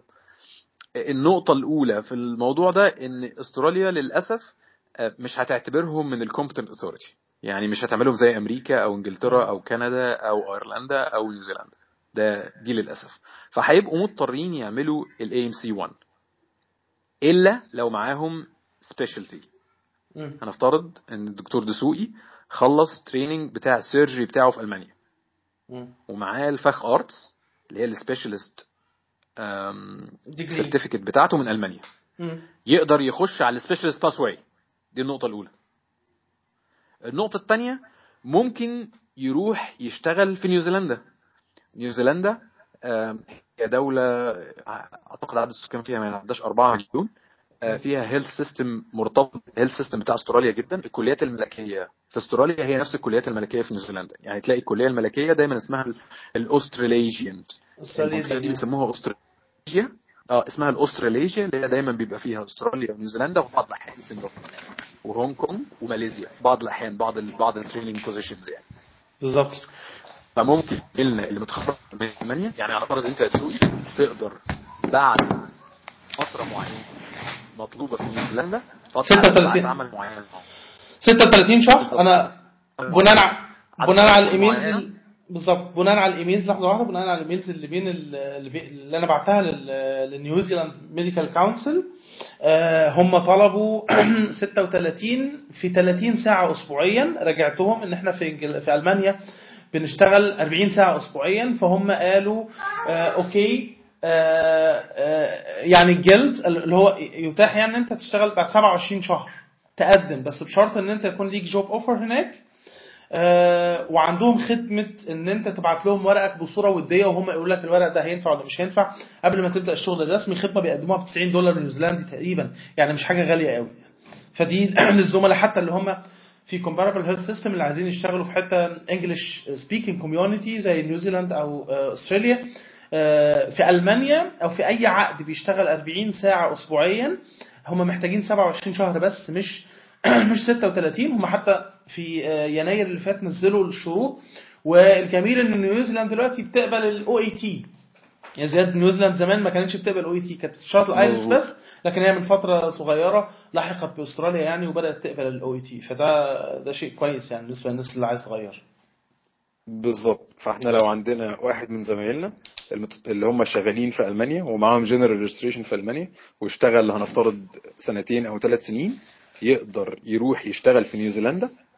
آه، وهو شغال في نيوزيلندا هيقدر ياخد الإقامة الدائمة بتاعت نيوزيلندا ويقدر يقدم على أي training في نفس ال colleges بتاعت نيوزيلندا وأستراليا وممكن ينط على أستراليا أول ما يشتغل في نيوزيلندا وياخد ال general registration بتاع آه، آه، نيوزيلندا. فده طريق آخر لدخول أستراليا هيبقى أطول شوية بس هيبقى أظرف يعني هيبقى أظرف من إنه يعمل ال AMC لو هو مش عايز يمتحن ال AMC طب جميل. السؤال التاني بقى عشان نكمل عشان إحنا طولنا عليك شوية.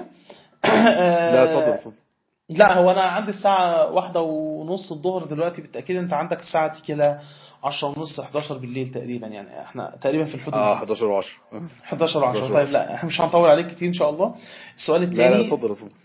أنا دلوقتي بقيت registered في آه، في آه، أستراليا أوصف لنا زياد ال ال ال ال course بتاع ال training شكله إيه؟ يعني أنا أنا بس هل بشتغل تمام. في non-training job ولا بشتغل في training job الحتة دي مش واضحة قوي عندنا. تمام. ال ال الكليات الملكية آه، هي عبارة عن تجمعات تجمعات علمية بتتحكم في ال training بتاع كل specialty ففي مستشفيات بتقدر توفر لكل كلية ملكية شروط معينة عشان المستشفى تقدر تقول إن ال job دي training job. تمام فهنفترض مثلا إن كلية ال physicians بتقول عشان يبقى في training job عندك يبقى لكل trainee يعني لكل واحد بس دكتور واحد في ال training محتاج يبقى فيه ثلاثة دكاترة يساعدوه. الثلاثه دكاترة دول هيبقوا supervisor واللي معاه بيساعده في الامتحانات. وي وي وي. يبقى مثلا عشان انت يبقى عندك ثلاثة trainee محتاج يبقى عندك تسعة consultants أنا بفترض أنا مش بقول مش بقول الرقم يعني. أنا بفترض كده. فبتيجي الكلية تقول والله أنتوا عندكم اتنين و... عندكم 21 consultant physician يبقى عندكم سبعة trainees بس. السبعه trainees دول اللي بيقوموا دول ال accredited jobs دول اللي جوه ال training المستشفى مش هينفع تقوم على سبعه trainees. المستشفى معاها فلوس إنها تجيب أكتر. ساعتها بيبقى فيه jobs نفس ال jobs بتاعت ال trainees بس non-training الكلية لن تعتبرها جزء من ال training بالظبط. تمام؟ مم. فدلوقتي إيه الفرق بين الاثنين الفرق بين الاثنين إن أنت ممكن تشتغل في دي. فكمان خمس سنين تخلص امتحاناتك وتاخد الورقة ال fellowship دي ما تشتغل في الثانية اللي هي ال non-training تشتغل فيها خمس سنين ما تاخدش حاجة. طيب إيه اللي بيحصل اللي بيحصل إن الناس اللي زينا اللي, اللي هم overseas بيبدأوا دايما في ال non-training jobs ويقدموا على ال training jobs كل سنة وكل ما. بياخدوا خبرة أكتر وبيعملوا academics وبيشتغلوا بيخشوا على ال training jobs هنتكلم هناخد مقتطفات بسيطة وسريعة عن كل college لل training جوه استراليا ونحاول نشرح إزاي تخش ال training بتاعها فهنفترض إن أنت معاك ال general registration بتاع أستراليا وهنفترض إن أنت معاك الإقامة الدائمة بتاعت أستراليا تمام. أوكي يبقى أنت من حقك يبقى أنت من حقك تقدم على أي training في أستراليا لو معاك. جن... لو معاك general registration ومعاك ومعاك إقامة آه، residency. الإقامة الإقامة الدايمة شرط لل training ولا أي إقامة آه، لا الإقامة الدايمة شرط كل ال colleges ما عدا ال emergency وال GP أوكي ماشي. فيبقى إحنا دلوقتي بنفترض إن أنت معاك الاثنين يبقى أنت ممكن تقدم على أي حاجة حتى الجلدية. امم أوكي. الجلدية دي أكترهم the most competitive. بس. هي ممكن تقدم عليها ما حدش هيمنعك إنك تقدم. أه مش هتاخد ال job دي حاجة تانية. بس هي هي هي هي من حقك تقدم عليها قانونا وال college هتبص في ورقك وتعمل لك interview كمان. إيه بيحصل إيه؟ في كليات بتتحكم في ال trainees زي كلية زي ال surgeons. ال Royal College of Surgeons هي اللي بتتحكم في ال trainee. هي بتقول له أنا هبعتك ست شهور المستشفى الفلانية وست شهور المستشفى الفلانية لازم تعمل لنا اعداد العيانين الفلانيين عايزك تعمل العمليات الفلانية اعمل لنا كام hernia اعمل لنا كام مش عارف إيه على حسب دي دي كليات ال surgeon. أو في كليات تانية ما تتحكمش في أعداد ال trainees بس بتطلب standard معين زي كلية ال physicians ال physicians بتقول لك أنا عايزاك تشتغل accredited لمدة خمس سنين. ال accredited دول شكلهم كذا كذا كذا كذا في المستشفيات اللي هي الكبيرة بالشكل الفلاني الوسطانية بالشكل الفلاني الصغيرة بالشكل الفلاني. ما أنت في collection في مستشفيات 200 سرير في مستشفيات 500 سرير في مستشفيات 1000 سرير. مش هم مش هم مش عايزينك بس تشتغل في الكبيرة لأنك لما تروح الصغيرة هتحتاس.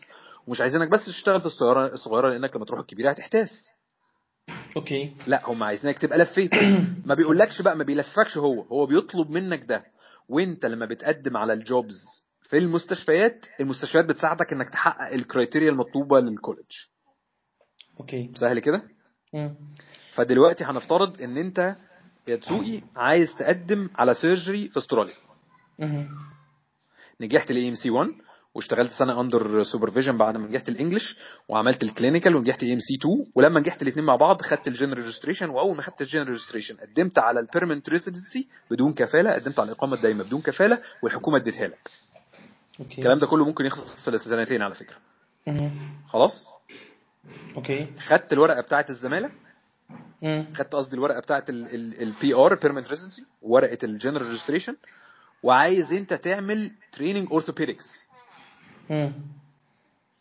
الكلية الملكية بتاعت ال surgeons كل سنة في شهر أربعة بتفتح باب التقديم للناس اللي عايزة تعمل training للسنة اللي بعديها. يعني إحنا دلوقتي في سنة 2014 هنبدأ 2015 في نص أربعة هتفتح الباب يا جماعة اللي عايز يبتدي ال training بتاعه في 2016 يبتدي يقدم في 4 2015 كل الناس بتقدم applications للي هي عايز تعمله. والله اللي عايز يعمل general surgery هيقدم اللي عايز يعمل orthopedic هيقدم اللي عايز اللي عايز عايز كل كل جزء كل training من دول بيبقى له criteria معينة. يعني بتوع ال orthopedic بيقول لك إن أنت لازم تبقى متخل- متخرج بقالك ثلاث سنين واشتغلت ثلاث سنين منهم ست شهور على الأقل emergency وست شهور على الأقل orthopedics زميلنا اللي اشتغل orthopedics ست سنين في مصر فرصته كويسة جدا جدا جدا لأنه معاه خبرة. يبتدي يقدم وهم بيعملوا في في كل في في كليات بتعمل written written exam وفي كليات ما بتعملش written exam وال exam ما بيبقاش exam امتحان طبي يعني. بيبقى situational test بيبقى بيقول لك والله لو جاي واحد زميلك شارب ويفتح العيان هتعمل إيه؟ هو عايز يشوف ردك في حاجة زي دي. هو مش عايز منك أصلا إنك تقول ال femoral artery بيطلع من آه، عند عند من أنهي ناحية؟ من ال من ال من ال inferior من ال من ال من ال آه، من ال internal femoral هو مش عايز يعرف دي. مش عايز يعرف ال profunda femoris anterior ولا posterior هو مش عايز يعرف دي. انت كده كده هتتعلمها عشان امتحان ال primary بتاع ال surgery بس عايزك تبقى هيشوفك هتعمل إيه ويفرقك مين فيكم بيقول إجابات منطقية ومين فيكم بيقول لا مفيش مشكلة هسيب الدكتور فلاني وهو شارب يفتح العيان بعد ما بتعمل ده يبصوا على ال CV بتاعتك ويبصوا على ال recommendation letters بتاعتك ويعملوا assessment interview وبعدين يطلعوا نتائجهم ويقولوا والله تقدم لنا السنة دي 50 واحد عايزين orthopedic على مستوى أستراليا إحنا كان عندنا 25 آه، مكان لل training فهناخد 25 واحد اللي هم ال 25 أول 25 بس. طب ده بالنسبة لل surgery. آه أنا مش عايز ال physician بقى الوضع آه، مختلف. أها. في عجالة ال physician college ملهاش دعوة بال بال بال jobs خالص. أنت بتقدم للمستشفيات اللي فيها training jobs وهي معظم المستشفيات في أستراليا بيبقى فيها training jobs بتقدم لهم إن أنت عايز تعمل training physician يا جماعة أنا عايز أعمل physician training المستشفى ال physician training نفسه آه، يعني أنا أتمنى يكون في حلقة تانية عشان أتكلم على ال training لوحده لأن كل كلية ليها criteria مختلفة. بس ال physician training عموما عبارة عن ست سنين. أول ثلاث سنين بيبقوا basic بتشتغل فيهم كل حاجة في الفيزيشنز emergency وجيرياتريكس وكارديولوجي وريسبيراتوري وجاستروانترولوجي وهيباتولوجي بتلف بتلف على على ال term ات يعني. وبعدين في نهاية السنة الثالثه بتعمل امتحان ال fellowship هو امتحان واحد بس written وامتحان واحد clinical نجحت في الاثنين بيسمحوا لك تقدم على ال advanced training اللي هو بقى ال specialty نفسها. انت عايز تعمل hepatology خلاص بتقدم gastroenterology hepatology انت عايز تعمل endocrine خلاص بتقدم على بتوع ال endocrine بس. تاخد ثلاث سنين في ال في ال في ده ثلاث سنين في الحاجة دي. وبتكمل. بتروح تقدم في المستشفى تقول لهم أنا عايز أعمل physician training بيقول لك خلاص إحنا ال program بتاعنا ثلاث سنين basic هنديك ثلاث سنين job offer لمدة ثلاث سنين. لو نجحت ال interview بتاعت بتعمل interview وتخش تمضي العقد لمدة ثلاث سنين. في الثلاث سنين دول المطلوب منك إن هم هيعملوا لك ال rotations المطلوبة منك للكلية ويساعدوك في الأكاديمية بتاعة الكلية. الكلية بتطلب إن أنت تكون عملت research project ده ممكن يكون audit ده ممكن يكون آه، تنزل paper ده ممكن يكون تعمل survey هم بيساعدوك في كل ال aspects دي في المقابل إن أنت بتشتغل معاهم وبتقبض. أنت بتشتغل بتشوف العيانين وبتشتغل مع ال consultants وهكذا يعني. okay. جميل. يبقى إحنا دلوقتي فهمنا إنه آه، فهمنا إلى حد ما نظام ال- آه، ال training إزاي آه، أنت فرقت ما بين كل كلية. أعتقد إن الموضوع برضو محتاج إن إحنا يعني احتمال إن شاء الله لما نحط ال- ال file نحط ال- ال file دوت هيجي لك أسئلة كتير فخلي نفسك طويل معانا برضو لأن الموضوع برضو إلى حد ما محتاج شوية تفاصيل. خلينا نخش على مفيش النقطة مشكلة خالص. خلينا نخش على النقطة الأخرانية بقى يا زياد. آه، النقطة الأولانية إيه ظروف البلد عاملة إيه؟ وصف لنا أستراليا يا زياد علشان إحنا عايشين في بلاد آه، حلوة جدا وعايزين نعرف يعني أستراليا دي أنت تقييمك للبلد إيه؟ دي آه، يعني اوصف لنا البلد آه، أخبار الناس عاملة فيها إيه؟ سياسيا عاملة إيه؟ مجتمعيا عاملة إيه؟ آه، الفلوس يا ابن الحلال إحنا عايزين نعرف برضه الموضوع في الآخر هيجيب فلوس ولا؟ آه، دي النقطة اللي أنا يعني طالب منك بعد إذنك تتكلم عنها وفي الآخر اسسمنت لتجربتك هناك. انت تنصح الناس ولا ما تنصحش الناس؟ يعني إحنا لما حد بيقول لنا تيجوا ألمانيا ولا لا بنقول له والله في pros and cons يعني آه، في في في في آه، آه، مميزات وفي في إيجابيات وفي سلبيات وبتسيبه يقرر. مظبوط مظبوط. فالأول قول لنا البلد أخبارها إيه؟ استراليا آه، استراليا دولة تابعة للتاج البريطاني. رئيسة ال... رئيس الدولة هو رئيس التاج البريطاني. الملكة هي دلوقتي الملكة لو ماتت. وابنها تشارلز بقى الملك هو هيبقى رئيس الدولة.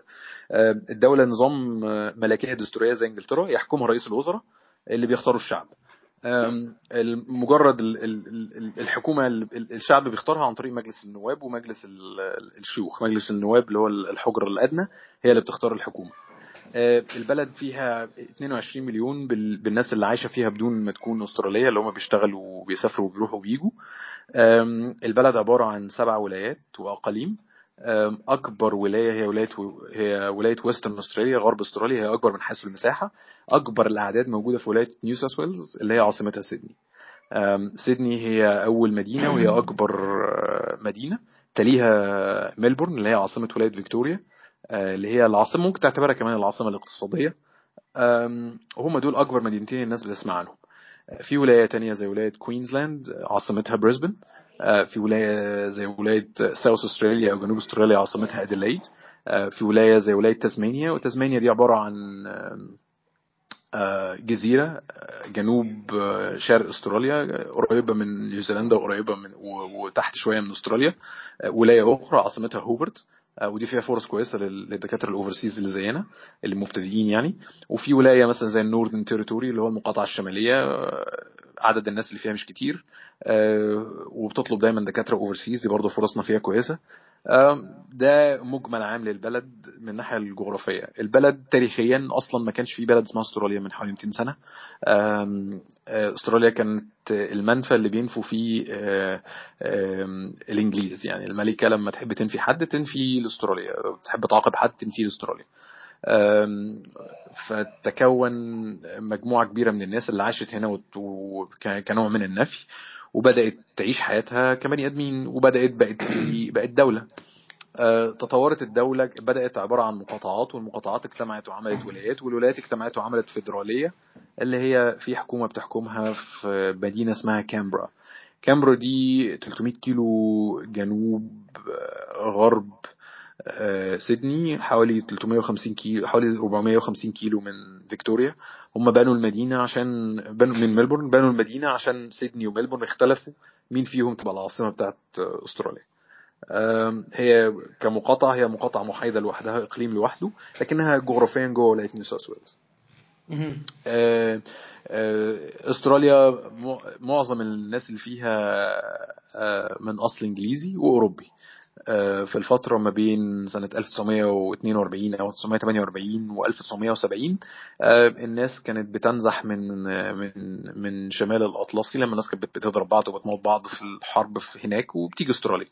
آه، جت فترات دخول أستراليا كان مقابل إنك تدفع 10 باوند 10 جنيهات استرليني وتركب تشتغل على آه، مركب توصلك على سيدني تاخد الباسبور وانت داخل سيدني باسبور الاسترالي وتعيش كاستراليا كمواطن. آه، مستوى المعيشة في استراليا مرتفع جدا. سيدني من آه، يا أفضل يا من أفضل أول مدينتين في العالم تحب تعيش فيهم. آه، مش أنا اللي قايل الكلام ده يعني أنت ممكن تبص على كذا حاجة يعني. آه، سيدني تعتبر من أغلى المدن في العالم كمدينة هي مدينة غالية. لكن اللي بيحب زي ما قلنا اللي بيحب الورد يعني اللي بيحب الورد بيسأل يقول ليه هت هتشوف ال- هت هتشوف ليه هي غالية لأن ال- ال- ال- الخدمات اللي فيها والعيشة اللي فيها مختلفة. سيدني أعتقد فيها أكبر تجمع لل- للمسلمين خارج الدول المسلمة في في غرب آه، خط الاستواء. يعني لو ابتعدت عن ماليزيا وإندونيسيا والفلبين والمناطق اللي فيها مسلمين أصلا هتبقى سيدني فيها أكبر عدد من العرب المسلمين في في المناطق الغربية يعني.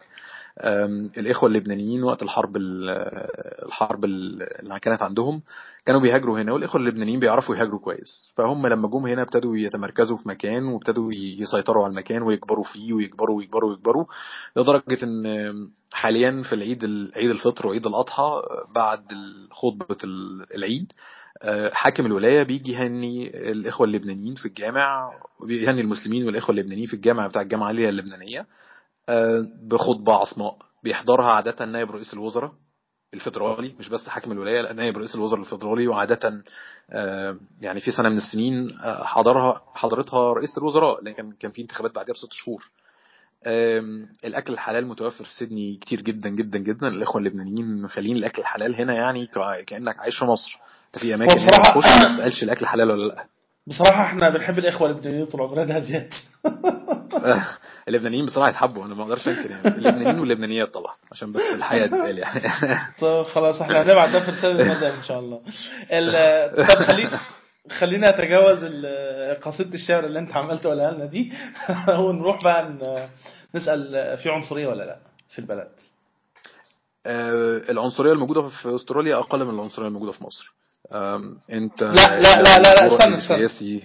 لا لا لا بلاش نقارن مصر بأي حاجة دلوقتي خالص يعني اطلاقا لا. هو هتقارن لي أستراليا بمصر؟ طب ما أستراليا أحسن في كل حاجة. ده, ده شيء أنا متأكد منه. لا لا ب- بقارن بين أستراليا و- وإنجلترا. أستراليا ونيوزيلندا أستراليا وكندا. دي دي الدول اللي تتقارن ببعضيها العنصرية العنصرية في العنصرية في أستراليا هت- هتتساوى مع العنصريه العنصرية الموجودة لو موجودة في نيوزيلندا هتبقى أقل جدا من العنصرية الموجودة في في إنجلترا. وده على ده كلام الناس الإنجليزي مش كلامي أنا. آه، وأكيد أقل من العنصرية الموجودة في أوروبا for sure يعني. أنت عايش من سنة 2004 هناك يعني إحنا بنتكلم دلوقتي في حوالي عن 11 سنة داخلين على 11 سنة إن شاء الله. أنا أنا آه أنا داخل أنا 10 سنين وست شهور بالظبط. 10 سنين جميل. و8 شهور بالظبط. هل قابلك أنت أو زوجتك آه، موقف عنصري؟ آه، أنا لم يقابلني أي موقف عنصري. زوجتي ما حدش آه، ما قابلهاش أي موقف عنصري مع الحكومة نهائي بالعكس. آه، ممكن يكون في مرة في أنا زوجتي منتقبة وممكن يكون في حد في مرة بص لها بصة مش كويسة أو قال كلمة مش كويسة وأعتقد إن اللي كان قال ده كان واحد راجل كبير عنده 75 سنة أو 76 سنة في السجن. فمنظر واحدة منتقبة بالنسبة له كان أمر آه، كان أمر صعب شوية. طيب أنا أنا ممكن أحكي حاجة بسيطة خالص على موضوع النقاب بحيث إن الناس تفهم ال- الفكرة إزاي عايشة في البلد يعني. في هنا مجموعة من من. اللي بيحكم البلد هو حزب المحافظين حاليا مش حزب العمال. آه، وهو حزب محافظ. هم اسمه ال Liberals بس هم محافظين يعني. فمنهم ناس بترى إن إن النقاب ملوش مكان في أستراليا. مفيش حاجة اسمها واحدة ست تغطي وشها. آه، حصلت من من ثلاث شهور. آه، آه، واحدة سيناتور من ولاية آه، تازمانيا كانت عايزة تقدم مشروع قرار لإن لإن لإن لإنهاء النقاب في أستراليا. لا تشيل النقاب أنا مش مش عاجبني إن الناس تلبس تغطي وشها يعني وبتحطه في شكل والله إحنا قلقانين من الموضوع ال- الأمني فإحنا هنشيل ال- هنشيل أي حد ما حدش يخش مكان ما حدش يمشي الشارع مغطي وشه سواء كنت هتبقى راكب لابس الهلمت بتاع ال- العجلة أو لابس الهلمت بتاعه ال- الموتوسيكل أو ما خلاص ما ينفعش تمشي في الشارع بيها. لو أنت راكب العربية مش مشكلة لو أنت راكب بس ما ينفعش تمشي مغطي وشك. سواء كان religious أو religious آه، facial covering يعني ده اللي ده اللي كان متقال يعني. آه، فابتدى الموضوع الديبيت ابتدت الناس اعلام تتكلم. فطلع رئيس الوزراء بعدها بيومين اللي هو المفروض إن يعني حزبه لو وافق على الموضوع ده الموضوع ده هيمشي. قال أنا ما بحبش ال- اللبس ده وبتضايق لما بشوفه بس أنا ما أقدرش أوافق على حاجة زي دي لأن ده يخالف آه، حقوق الشخصية. آه، طلع أساتذة الجامعة القانونيين الدستوريين وقالوا ال- لو لو البرلمان وافق على حاجة زي دي إحنا ال- ال- ال- البتاع ده هيقع في المحكمة الدستورية لأن ده منافي للقانون الأسترالي والدستور الأسترالي اللي بيسمح للإنسان إنه يلبس اللي هو عايزه ويعمل اللي هو عايزه ويشوف اللي هو عايزه بدون طالما غير منافي للقانون. ايا كان. فطلعت وزيرة الخارجية وقالت أنا مش عاجبني كلام رئيس الوزراء ما قالش كده بالظبط بس رمت عليه كلمتين نقحت يعني. قالت أنا مش عارف مش فاهم الناس متضايقة ليه من اللبس ما تلبس اللي هي عايزاه تغطي وشها ولا ما تغطيهوش ما براحتها. أه، طلع النائب العام وهو هنا يعني مش حاجة سهلة إن أنت تبقى نائب العام. قال أنا ما بتضايقنيش وما تفرقش معايا ما تعمل اللي تعمله طالما ما عملتش حاجة غلط ما تفرقش معايا. وطلع وطلع صح رئيس الشرطة الفدراليه وبعت جواب لرئيس الوزراء وقال فيه فرانكلي بالنسبة لنا إحنا مش عندناش أي مشكلة مع النقاب وإحنا شايفين إن لو حصل منع للنقاب هيحصل مشاكل أكتر من لو حصل آه، انه إنه متساب. هيحصل ساعتها إن المسلمين هيتضايقوا وهيعملوا مشاكل وهتبقى في مشاكل وإحنا شايفين إن ده ملوش أي لازمة. فمن الناحيه القانونية والحكومية مفيش أي نوع من أنواع ال- العنصرية في للتعامل مع المسلمين. بالعكس أنا في أنا بنتي في مدرسة إسلامية في سيدني هنا حوالي 12 13 مدرسة إسلامية. العيد الكبير والعيد الصغير البنتين البنات بياخدوا إجازة. في العيد الإجازة المدرسة بتديهم إجازة مفيش حد بيعمل حاجة محدش له دخل يعني. في ال في ال في الأعياد بتروح تقول لرئيس القسم والله أنا يعني اليوم ده هاخده أوف اليوم ده أنا مش هاجي اليوم ده أنا عندي. الناس متقبلة جدا. طالما بتلاقي كفر ليك بتروح لزميلك تقول له غطيني وأنا اغطيك في الكريسماس. آه، شيل مكاني وأنا اشيل عنك. آه، يا جماعة أنا هاخد اليوم ده أوف. ده الأجازة بتاعتي ده الانيول ليف اللي هو الأجازة السنوية بتاعتي. هاخد يوم كذا ويوم كذا. أو بت- بتمشيها معاهم بحيث إن ممكن تتحسب مثلا مرضي ما حدش يبص لك اليوم ده أنت جيت ولا لأ. كده يعني طالما الشغل مش متأثر ما حدش هيعترض يعني. آه، انت كمسلم هل ده بيأثر على فرصك في الشغل؟ آه، مش هقدر أقول ما بيأثرش بس التأثير ما هوش عالي. آم، انت بتقدم انت والناس التانيين اللي مقدمين من بره اللي من الهند واللي من واللي من واللي من واللي من اللي بيفرق جدا معاهم هو قدرتك وال CV بتاعتك وال... وال interview بتاعك. لكن لما يجي مثلا اتنين على الحركرك واحد منهم مسلم وواحد منهم إنجليزي هياخدوا الإنجليزي. آه، لأنه على الأقل هيتكلم إنجليزي وبيفهمنا وما بيفهمناش وهكذا. هل أنا حصل لي مشاكل نتيجة إن أنا كنت مسلم؟ في بعض المستشفيات حصل لي مشاكل بس ما كانتش مشاكل آه، في الشغل. آه، دايما بيحاولوا يعملوا مرة في الشهر بيحاولوا يخرجوا يقعدوا يسكروا أو يقعدوا مع بعض أو كده ال department وأنا ما بروحش الحاجات دي. فده خلى بعض ال consultants ما يعجبهمش هو بيتقرن علينا طب هو ما بيجيش ليه؟ طب هو ما بيروحش ليه؟ فلما قدمت عندهم شغل السنة اللي بعديها الناس ما ادتنيش job فما سألت إيه السبب؟ قالوا لي لأن أنت ما كنتش يعني socially cohesive يعني ما كنتش معانا في ال social بتاعنا وكده. فقلت لهم okay أنا مش مش interested يعني في إن أنا أ join you في الحاجات دي. بس كان كان في حاجة medical أو كده. قالوا لا ما كانش في حاجة medical بس إحنا فضلنا إن إحنا ندي فرصة لحد تاني. خلاص. بس لم يمنعني ده من إني آخد جوب في نفس اليوم في مكان تاني. كنت أحب طبعا أكمل في المكان اللي أنا كنت فيه. آه، لكن حصل يعني ما حصليش أي مشكلة. آه، زوجتي بتتحرك جوه سيدني بتروح وتيجي. في لو في مكان جديد بروح معاها دايما أول مرة عشان ما تبقاش آه، هي مش مرتاحة وعشان الناس تشوف آه، تشوفني أنا وهي. طبعا بنبذل أكتر شوية عشان نوضح للناس إن ده أمر مش إحنا مش مختلفين يا جماعة بس ده يعني religious practice. آم، آه، وده هتواجهه كمسلم في أي مكان في العالم يعني. طب زياد أنا عندي سؤال. أنت كنت حكيت لي مرة إنه في اتفضل. اتنين دكاترة آه، طبيبات منتقبات. آه ده أنا في واحدة anaesthetics وواحده جراحة. آم، كان الدكتوره كان في دكتورة دكتورة بتاعت ال anaesthetics لما كنت أنا ال senior registrar في ال ICU كانت بتجيب لنا العيانين بعد ال... بعد ما تخلص العيانين كانت بتشتغل في حالات كبيرة جدا. آه، الدكتورة كانت سعودية منتقبه آه، وكانت بتلبس نقاب لونه ازرق لون ال- ال- اللبس بتاع ال- ال- العمليات. آه، وكانت بتيجي تسلم الحالة وتديني الحالة وتمشي ما كانش في أي مشكلة خالص. الدكتورة الثانية كانت دكتورة آه، من باكستانية محجبة وعاشت اتولدت في السعودية وعاشت في السعودية وخلصت كلية الطب في إنجلترا وهي منتقبة وجت كملت surgical training في أستراليا وخلصت. الدكتورة الثالثه هي دكتورة سعودية أنا مش تذكرتها حاليا دكتورة سعودية آه، كانت breast surgeon في السعودية وجوزها دكتور general surgeon مصري. هي سعودية وهو مصري جم هنا أستراليا وهي خلصت ال training بتاعها وكانت آه، بتشتغل بحجابها. آه، هي هي كانت بتلبس النقاب بس في السعودية يعني هي مش مش ما كانش مقتنعة يعني كان مجرد بس إن هي بتلبس النقاب. بس هنا عادي جدا بالحجاب بتاعها وده ما فيهوش ده مش أمر مش أمر مش أمر جديد يعني مش حاجة. مش حاجة صعبة إن في واحدة دكتورة محجبة والمنقبات ممكن المنتقبات ممكن يكونوا حاجة جديدة بس موجودين ويشتغلوا في السيستم. ومحدش يقدر يقول لها لعي أو ما تقلعيش ده أمر أمر منتهي مفيش حاجة اسمها أنا همشيكي عشان مش عاجبني لبسك. ده يعني مستشفى يحصل مشاكل سياسية خرافية لو حاجة زي دي حصلت يعني. مش زي عند زي عندك في ألمانيا الأخت المغربية دي. لا طب أنا معلش ممكن تذكر لي أنا آسف يعني بس للتوثيق لأن أنا ليا حد صاحبي قلت له إنه أنا زميلي في أستراليا قال لي إنه في في مستشفيات مش صغيرة في آه، واحدة شغالة جراحة والثانيه شغالة انستيزيا وطبعا يعني الكلام ده كان في الجروب بتاع المانيا والشباب كانوا معترضين جدا وأنا للأسف يعني إلى حد ما كانوا المصداقية مش مش كانوا بيقولوا لي لا ده ده إزاي ومش ممكن و- و- وإزاي و- وده عمرنا ما نقدر نصدقه. ممكن تقول لنا أسماء المستشفيات لو أنت فاكرها؟ آه، الأخت اللي كانت بتاعة التخدير كانت شغالة في مستشفى سان جورج آه، وكانت كنت بستلم منها عيانين من من سنة. أنا بتكلم recently السنة يعني زي من- دلوقتي من سنة كنت باخد العيانين منها. مم. والجراحه والدكتورة الدكتورة الجراحة السعودية حاليا شغالة في أستراليا حاليا شغالة في Royal North Shore شغالة في ليفربول شغالة في في في RPA بس دي محجبة. الدكتورة اللي كانت منتقبة وكانت شغالة في الجراحة كانت شغالة في مستشفى بانكستاون وكانت مستشفى بانكستاون جزء من ال training بتاعها كان في كانت ال training network بتاعت Royal Prince Alfred.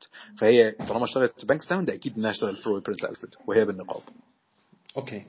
طيب جميل. أنا بس حبيت إن أنا أذكر الكلام دوت علشان الموضوع كان قبل كده في في conflict حصل.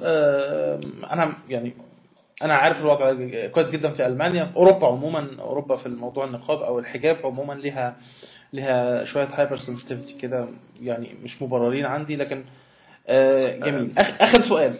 آخر سؤال. يعني أنا أنا شايفهم مبررين. أنا شايفهم مبررين بس يعني آه. آه لا أنا أنا شايفه بالنسبة لل- لل- للقيم المجتمع هنا إلى حد ما مش مبررين خلينا ما نخشش في ال conflict دوت. يعني آه ربنا يسهل يا رب. آه لا لا مش هخش في ال conflict. انت وأنت بتحسبها احسب التاريخ. دي قارة عاشت عاشت مئات السنين. تحارب ضد ال- ال- ال- المسلمين. فانت الايفوليوشن بتاع القارة مرتبط بإن كان في فترة من الفترات الزمنية الإسلام كان هو العدو. فانت بتحاول تقنع القارة دلوقتي إن الإسلام مش هو العدو ده مش أمر سهل يعني. فهنا ما كانش كده. هنا البلد كلها بلد مهاجرين أصلا. يعني مفيش سؤالي هنا اصله سؤال- اصله من هنا غير آه. سؤالي أنا بالضرورة يعني. ال ال ال ال الأوروبيين برضو مسألة إن هم يتقبلوا المثليين أو الشواذ جنسيا بصورة قانونية وبصورة اجتماعية مسألة حادثة جدا عندهم. أنا عايش هنا مع الألمان وعارف بيبصوا إزاي للشواذ جنسيا ولل وعارف كويس جدا بيبصوا لهم إزاي وعارف ان هم ال- الناس القدام منهم الكبار ما بيتقبلوش الأمر ده اطلاقا يعني. فاشمعنى دي مقبولة ودي صحيح. مش مقبولة يعني؟ طب ما هو ده ده ده, نفس الفكرة. هنا في استراليا هنا في استراليا عندهم قبول. في جروب يعني. العالم الجديد العالم الجديد متفتح على كل ما هو جديد. انت جديد مفيش مشكلة انت بس انت مختلف شوية لأنك جاي من بره. يعني أنا مش عايز أخش زي ما بقول لك في ال conflict ده يعني إيه؟ عشان بس أنا كنت حاول مش وقته مش وقته بس. كنت بعمل documentation ومش عايز آخد للناس برضو إن إحنا نخش في إيه؟ في. حارات يمين وشمال. آخر سؤال. آه مش عايزين ارقام طبعا ده ما يصحش إن إحنا نسأله لكن آه المر- المرتبات عاملة إيه والضرايب عاملة إيه؟ الضرايب في أستراليا متصاعدة مع ارتفاع ال- ال- الدخل. عبارة عن شرائح. آه، لو بتقبض أقل من 80 ألف بتدفع آه، ما بين 25 و 27% لو ما بين 80 و 120 ألف بتدفع آه، آه، ما بين 30 و 32% أو 35% بتدفع لو بتقبض ما بين 120 و 170 بتدفع 40% لو بتقبض فوق ال 180 بت- بتت- بت- بتدفع حوالي خمس- 45% حوالي 45% ما بتبقاش 45 بتبقى أقل بس حوالي 45% ودي أعلى شريحة ضريبة موجودة في أستراليا. لو أنت بتقبض مليون زي ما أنت بتقبض 180 ألف هتدفع في نفس ال- في كل الاحوال 45% آه، ضرائب. آه، دي الضرائب بتاعت الدخل. المرتبات مرتب الطبيب الامتياز آه، المرتب هنا بالساعة وكل ما بتشتغل ساعة زيادة بتقبض آه، انت المفروض انك بتشتغل 40 ساعة في الأسبوع. أي ساعة زيادة بتشتغلها بتقبض- بتقبضها ك overtime وال overtime بتحسب آه، ساعتين من الأجر الأصلي. آه، طبيب الامتياز بيقبض ما بين على حسب الولاية اللي انت فيها كل ولاية بتدي حاجة مختلفة بس يعني عادة ما بين 30 و 35 دولار في الساعة. وانت بتشتغل 40 ساعة 40 ساعة في الأسبوع سيب الناس تعمل الحسبة براحتها. كل ما بتزيد بقى resident year 1 اللي هو الأول سنة بعد ال intern آه، بيقبض بتزود 2 دولار أو 3 دولار ونص. وكل ولاية بتبقى منزلة ال- الأسعار بتاعة ال- الساعات بتاعتها على ال websites بتاعتها و I'm happy يعني إن شاء الله إن لما ال لما ال لما الحوار ينزل إن أنا ا provide ال details مثلا بتاعت ولاية نيو ساوث ويلز بسهولة يعني. ال consultants مرتبه عموما بيوصل ما بين 250 ل 300 ألف دولار في في المستشفى.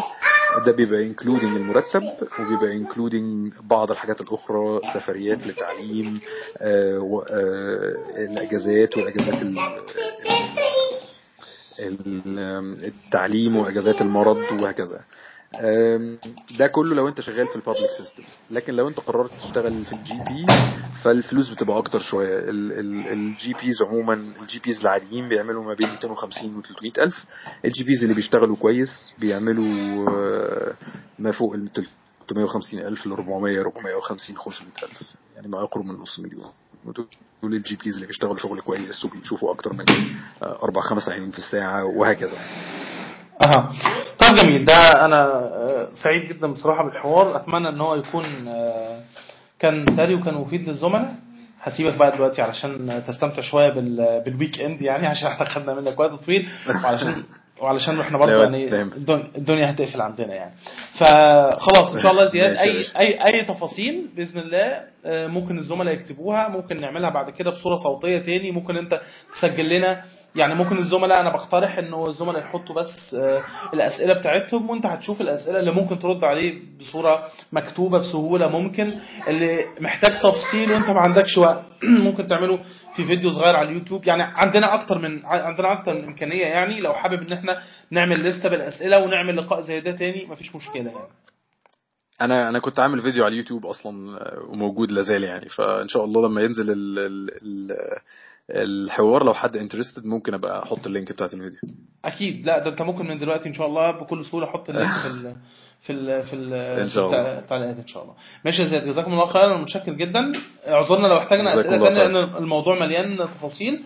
ومتشكرين جدا جدا. جدا تحت أمرك يا جميل. ماشي يا حبيبي. ماشي. السلام عليكم. يلا جميل. السلام عليكم. السلام ورحمة الله وبركاته.